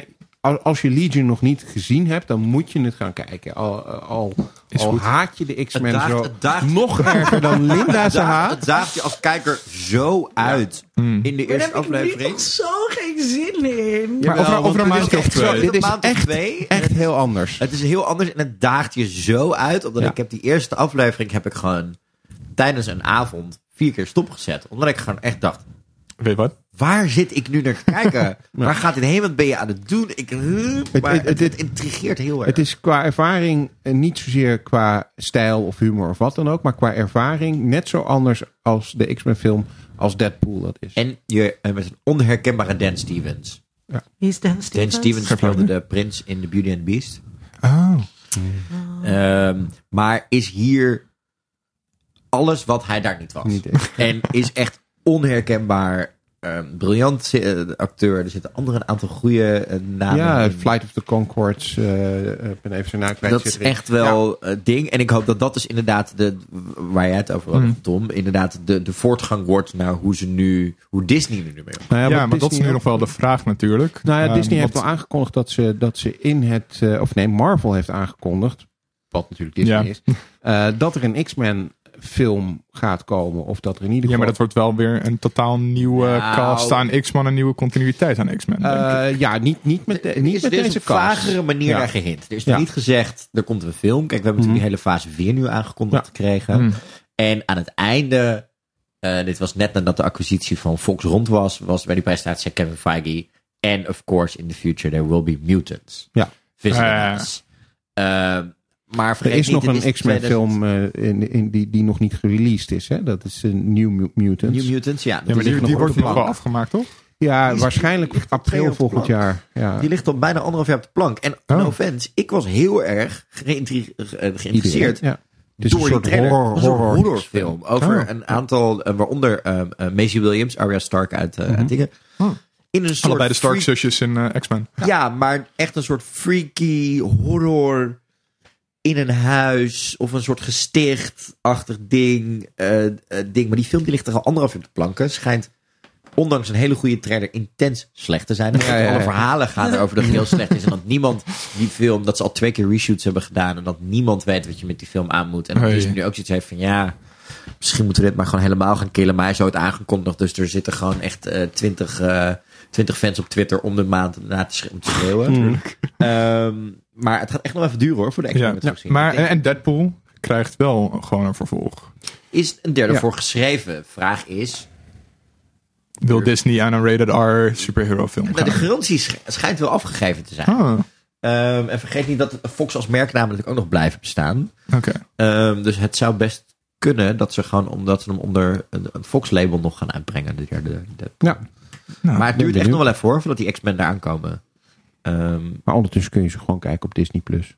Ja, precies. zeker. En de, de comics lezen. En eh, ik denk dat je, ja, ik denk dat het, het wel. ehm, ik denk dat het ook moeilijk is om ze in de MCU goed neer te gaan zetten. Mm. Omdat de MCU heeft natuurlijk, vergeet ook niet, op een aantal punten eh, dingen moeten herschrijven. Ja. Eh, omdat je dus de invloeden niet kon gebruiken uit de comics die X-Men heeft op het algemene Marvel-universum. En Ja, daarin denk ik ook dat ze. ehm, het- het- het- het- er zitten al een aantal karakters in die ook heel erg op ze lijken, denk ik. Mm. Eh, Quicksilver heeft al op een gegeven moment in een Ja. andere versie in ja, Marvel zonder, dat zijn vader Magneto was en Mhm. zat hij in die film. Maar, Zo'n ehm, stenen gast is er ook al. ja, maar ook Mhm. qua karakters. Qua, qua, qua hoe maar mensen ook, eh, over dingen nadenken, weet je. Ehm, dus ik ben heel benieuwd hoe ze dat gaan doen. Mhm. En ook hoe je... En je hebt, geen, en, eh, je hebt natuurlijk Vibranium in plaats van Adamantium. Ja, en, een- en, en een nog groter probleem denk ik bij de X-Men dan bij een aantal van de Marvel-helden is... is dat je tegen het, wat ik altijd het Avengers debakel opnoemt... waarom bellen ze elkaar niet? waarom? Ja, maar dat is wel waar je Ja. nu ook bij Marvel, Marvel heel erg moet, uit moet gaan kijken. Ze kennen elkaar nu naar Infinity Saga allemaal. Heel goed. We hadden het nu al in, eh, in Endgame van dat er twee tot drie keer een soort van lijntje geschreven was voor Captain Marvel, die de, in de film ervoor desnoods nog wordt aangekondigd als de meest krachtige superheld. En dan wordt constant gezegd, ja nee, ik was druk, het was ook een andere Ja, wat even, even dingen doen. eh, ja, Doe. ja, precies. Weet je, dus ik denk dat daar nog wat gevaar zit voor die voor die Nou, we gaan het beleven. Ik hoop Dat het lijkt niet. Ja. In a world. In a world. World. World. World.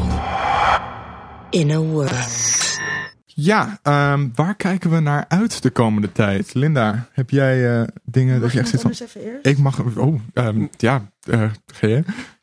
Eh, Frozen 2. Oh ja, vandaag de trailer. vandaag een ja. nieuwe trailer uit. Ehm, het lijkt erop alsof ze daar een stuk een, een, een diepere, heftigere film van gaan maken dan de eerste. Er zitten Hmm. een- maar twee grapjes in die trailer.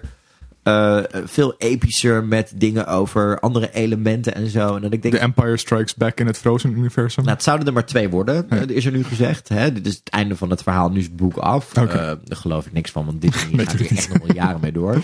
Ehm, daar ben ik heel benieuwd naar. Mhm. En ik ben, zonder er te veel van weg te geven, heel erg benieuwd of de intens eh, gedetailleerde spoilers die nu echt vanaf alle kanten je oren omvliegen voor The Rise of Skywalker van Star Mhm. Wars. Echt, maar echt zo gedetailleerd. Oh, ik heb hier nog niks van meegekregen, dus ik Eh, niks het- weten. het- maar echt, echt, echt dat ik. Ik ben in Ze dit geval ik ben heel guilty eh, geweest en ik heb ze allemaal gelezen. Ik weet gewoon tot, denk ik, op de ene, la, ene laatste scène na precies wat er gaat gebeuren. Oh, wat jammer. Ehm, ik vind het af en toe niet erg, maar ik vind het schokkend dat voor een J.J. Abrams productie Ja. en een Lucasfilm productie drie maanden voor release alles al op straat ligt. Ja, dat is niet eerder gebeurd. Ehm, en ook uit meerdere bronnen. Dus ik ben heel benieuwd of dat waar gaat zijn. En ook wat dat voor. eh, ik denk dat eh, Star Wars in de november heel dus groot gaat worden, de Mandalorian. Mhm. En dan benieuwd wat dit dan gaat doen met Star Wars eh, de komende vijf jaar. Ik ben benieuwd. Mm. Sydney. Nou, ehm, ik kijk uit naar. eens even kijken, waar kijken we naar uit? Oh ja, een, een lange lijst, zag ik al voorbij komen. We moeten een paar dingen uitkiezen. Ja. Ehm, in ieder geval naar eh, For All Mankind. Het is een nieuwe serie van Ronald D. Moore. Ronald D. Moore heeft onder andere voor Battlestar Galactica eh, geschreven. Ehm, hij heeft ook voor Star Trek eh, geschreven in het verleden. Ehm, het idee van eh, de, de, die, die titel For All Mankind komt van de plaquette die op de maan achtergelaten is door de Apollo 11. hè. We came in peace for all mankind. Je ziet dat in Independence Day. De eerste scène is dat die plaquette helemaal eh, wegdwarrelt door dat ruimteschip wat er overheen komt. En de gedachte van deze serie is dat tijdens de Koude Oorlog het de Russen lukt om als eerste Hmm. op de maan te landen. En de gevolgen die dat dan heeft, verlenging van de Koude Oorlog en veranderende machtbalans, is de premisse van deze eh, serie. Dus ik ben wel heel benieuwd hoe ze dat gaan doen en of ze daar een interessant eh, science fiction verhaal van weten te maken. Ehm, een ander ding waar ik naar uitkijk, ehm, hebben we volgens mij al wel eens eerder genoemd. Maar er komt binnenkort ook weer een nieuw boek uit van de schrijver van His Dark Materials. Ehm, dat is eh, waar eh, The Golden Compass eh, in het verleden al eerder van verfilmd is. En eh, nu komt er een HBO-serie eh, waarin ze proberen die boeken. Want The Golden Compass was één van de boeken, maar er zijn er, zijn er drie. En inmiddels heeft de man dus nog nieuwe boeken geschreven, eh, Philip eh, Pullman. Ehm, in een serie worden gegoten. En nou ja, voordeel van een serie hebben we het al vaker over gehad. Je hebt gewoon meer tijd. Je kunt veel meer met het verhaal doen. Je kunt de karakters beter uitdiepen. James McAvoy speelt erin. Dus ik eh, ben wel benieuwd hoe dat eh, gaat worden. En dat gaat al in eh, november, komt dat al. En geen eh, Nicole Kidman. En Nee. geen Nicole En- Kidman. Nee, nee. Eh, wie, wie haar rol overneemt, weet ik eerlijk gezegd niet. Nee, Daphne Keen, denk ik. Ja, Maar, Daphne ja. Keen speelt haar rol. En eh, ook eh Lin-Manuel Miranda. Ja, zit er ook in. Als, ja, een van de Egyptians. Oké, Linda, heb jij ondertussen iets Ja, nee, eh, ik, had wel, ik had wel iets, maar ik moest even iets, eh, iets eh, Oh. checken. Ik had in de vooruitblik gezet Batwoman, 6 oktober op CW. ehm, met Ruby Rose eh, Oh. als ehm, lead. En dan denk je, hartstikke leuk. En toen dacht ik, ja, dus Ruby Rose, zeg maar, die we onder andere kennen uit Orange is the New Mhm. Black. Super, super knap. En zij speelt dan een lesbische. Zij is lesbisch. En ze speelt Mhm. ook een lesbische Batwoman. En Batwoman is heel begaan met social justice. En dat vind ik leuk. Want ik heb heel veel zin dat heel veel mensen daar Mhm. boos over gaan worden. Dat, Ja. dat, dat lijkt me heel erg grappig. Maar waarom dan Ruby Rose? Waarom dan zeg maar de allermooiste eh, lesbische, een van de allermooiste Mhm. oud-lesbische vrouwen die er is. En toen dacht ik, waarom dan niet full-on gaan met iemand als Uzo Aduba, die Mhm. in uh, Orange is the New Black Crazy Eye speelt. Ja. Weet je, maak dan, zet dan echt een hele andere eh, dat- Batwoman neer. Ja, maar dat past niet heel erg in dat Arrowverse. Hè? Waar zij natuurlijk, want de cameo, zij, Ruby Rose heeft dit als cameo gedaan in dat Arrowverse. Het moet wel glad en dingen. Ik denk dat je dan, Ja. ik denk dat je dan bij de verkeerde zender zit met, met zo'n Batwoman. Dus en dat, is, maar- en dat is dus, dus, dus dat komt dan weer terug, zeg maar. Eh, en daarom is het misschien wel wat ik, wat ik ultiem, waar ik ultimately zo tegenaan blijf hikken bij die superhelden. Ze zouden zoveel meer super kunnen zijn dan dat ze zijn. En dat is eh, eh, waar, waarom ik als geek zo weinig heb, denk ik, met die superheldenfilms. Het doet te weinig voor mijn, voor mijn sci-fi. Het doet te weinig voor mijn, voor mijn ehm, verlangen naar. ehm, ik wou zeggen perversie, maar dat is het misschien ook. Maar Mhm. eh, ehm, eh, wat ik wil zeggen is eh, iets omvergooien. Revolutie. Ja, revolutie ook wel. Ik denk, kom moet een even beetje schuren. Moet of- een moet beetje het schuren. schuren. Mag wel wat meer ja, schuren, Het mag wel wat meer eh, schuren. Dus dit is leuk en het zit er allemaal wel in. Maar het kan altijd eh, ja, verstorender. Dat was het woord wat ik zocht. Ja, ja. Disruptief. Het mag van mij allemaal wel wat disruptiever. Maar misschien wordt dat het wel. Wat wel leuk is nog, eh, als je het over die Arrowverse hebt. Hè, dus dat zijn alle DC-televisieseries van eh, Arrow en de Flash. Flash. We hebben, we hebben Supergirl. Eh, we hebben ondertussen we hebben Legends, of Tomorrow. Nou, en nu dus ook Batwoman. Ehm die hebben af en toe crossovers. Dus dan zijn er afleveringen, net zoals Star Trek en eh, Deep Space Nine en Voyager dat bijvoorbeeld wel eens deden. Klein- Heb je een aflevering waarin ze dan in elkaars aflevering zitten. En daar komt nu, net zoals ze dat in de comics altijd eh, doen, een enorm crossover event. Waarin Wat al die het einde wordt series- van Arrow. ja, waarin al die series samenkomen. Maar niet alleen al die series samenkomen. Maar bijvoorbeeld ook acteurs die eerder Superman hebben gespeeld. Of die Ja. eerder Batman hebben gespeeld. Opeens weer, net zoals in Spider-Verse eigenlijk. hè, Oh. eh, We krijgen drie hun- Supermans tegelijkertijd. Ja, precies. Oh, dat krijgen soort dingen. namelijk, Maar komt dan eh, Henry Cavill ook echt als Superman Nou, Henry Cavill niet, Of- maar... eh, Het worden Dean Kane Ja. eh, terug en Tom Welling eh, uit Smallville samen Oh. met zijn eh, eh, Lois Lane, Erica Ja.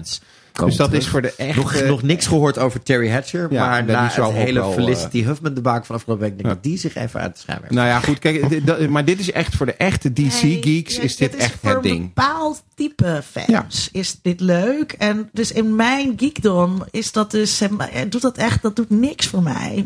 Ja. Nee, dat mag. Maar ik, ik weet... Voor Sydney wel, denk ik. Nou, nee, eh, voor mij niet. Omdat ik, omdat ik niet al die series volg. Omdat ik niet zo'n DC-fan ben. En dit ik, ben, is echt ik ben op een gegeven moment... extreem veel Nou ja, het is een beetje hoe, zeg maar, als kind was ik heel opgewonden dat alle, alle bekende zangers en zangeressen die je kende samen in We Are the World zongen. Mhm. Dat heb ik er een beetje bij. Weet je, het is heel leuk als je acht bent, maar je Mhm. kan mij daar gewoon niet meer mee bevredigen. Nou, ik ben het met Linda eens hoor, want Mhm. ik ben afgehaakt op een gegeven moment in Arrowverse. Ja, op het moment dat dat is te veel. Ehm, ja, maar het werd ook alles had met elkaar te maken. Je Hmm. kan, kijk, met een goede crossover, dat zie je ook bijvoorbeeld bij Grey's Anatomy, dan kan ik nog steeds eh, Station 19 niet kijken en ik weet dat alles gewoon doorgaat. Ja. Maar bij de Arrowverse werd het echt op een gegeven moment, als je de Flash niet meer volgde, Mhm, kon je het niet meer volgen. dan zat je met de crossovers, Arrow ook dan niet was je kijken. klaar. Dan was je Ja. gewoon, er ging zoveel En, je moet, en op het juiste moment ook. Wat ook heel lastig is. Want je moet dus precies weten welke aflevering van de Arrow eerst correspondeert komt en dan met- pas ja. je Kan niet- luistert. Het is heel complex. Oef. Heel het, complex. het vereist dat je gewoon vier avonden per week de Arrowverse kijkt. Nee, dank je. I'll pass. Nee, ik kijk zelf uit naar eh, een trailer die ik vandaag zag voor Living With Yourself. Dat is een nieuwe Netflix-serie.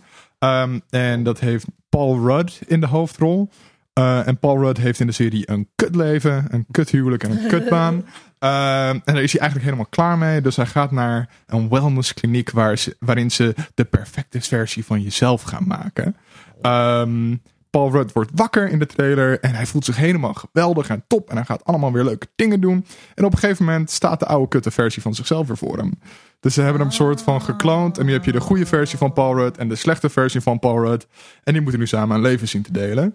En dat lijkt me echt heel erg grappig. En het ziet er best wel duister uit eigenlijk. En tegelijkertijd heel erg grappig dus. Klopt. Gewoon heel erg leuk. Dus ik ben heel benieuwd hoe ze dat gaan En Paul uitwerken. Rudd is sowieso leuk. Hij zit Ja. ook weer in de... Dit was de eerste keer dat ik dacht, wow, hij ziet er oud uit. Maar dat hadden ze dus Ja. expres gedaan voor Om deze slechter serie. Ja, Terwijl de, de grap is altijd, Paul Rudd wordt niet ouder. nee. Ja. En, De jonge eh, versie van Paul Rudd, of de, de goede versie van Paul Rudd ziet er ook niet ouder Nee, uit. nee, klopt. Hij zit ook weer in de. Dus, je hebt die serie Between Two Ferns. Daar is nu een film van op ja. Netflix. Daar zit ook Paul Rudd in. Is erg grappig. Erg grappig. Ook een zijn aanrader dus. Ja. Ja, en ik kijk heel erg uit naar de testaments uitlezen. Ja. Ik ben nu ongeveer halverwege. dus, ja. Ehm, dit was alweer de 39ste aflevering van Geeky Dingen. Ik wil heel erg graag GJ bedanken dat hij hierbij was. Z- zeker naar de Emmys eh, nacht die jij gehad hebt. eh. Zeker, ja. Fijn, fijn om gewoon een keer lekker te kunnen nerden en wat dieper ook in dingen erachter te duiken. Ja. Ik, normaal blijft het heel erg bij, ja, maar Halle Berry is gewoon slecht. gewoon wat dieper erin duiken is Ja. een keer wel lekker op de maandagavond. Ja.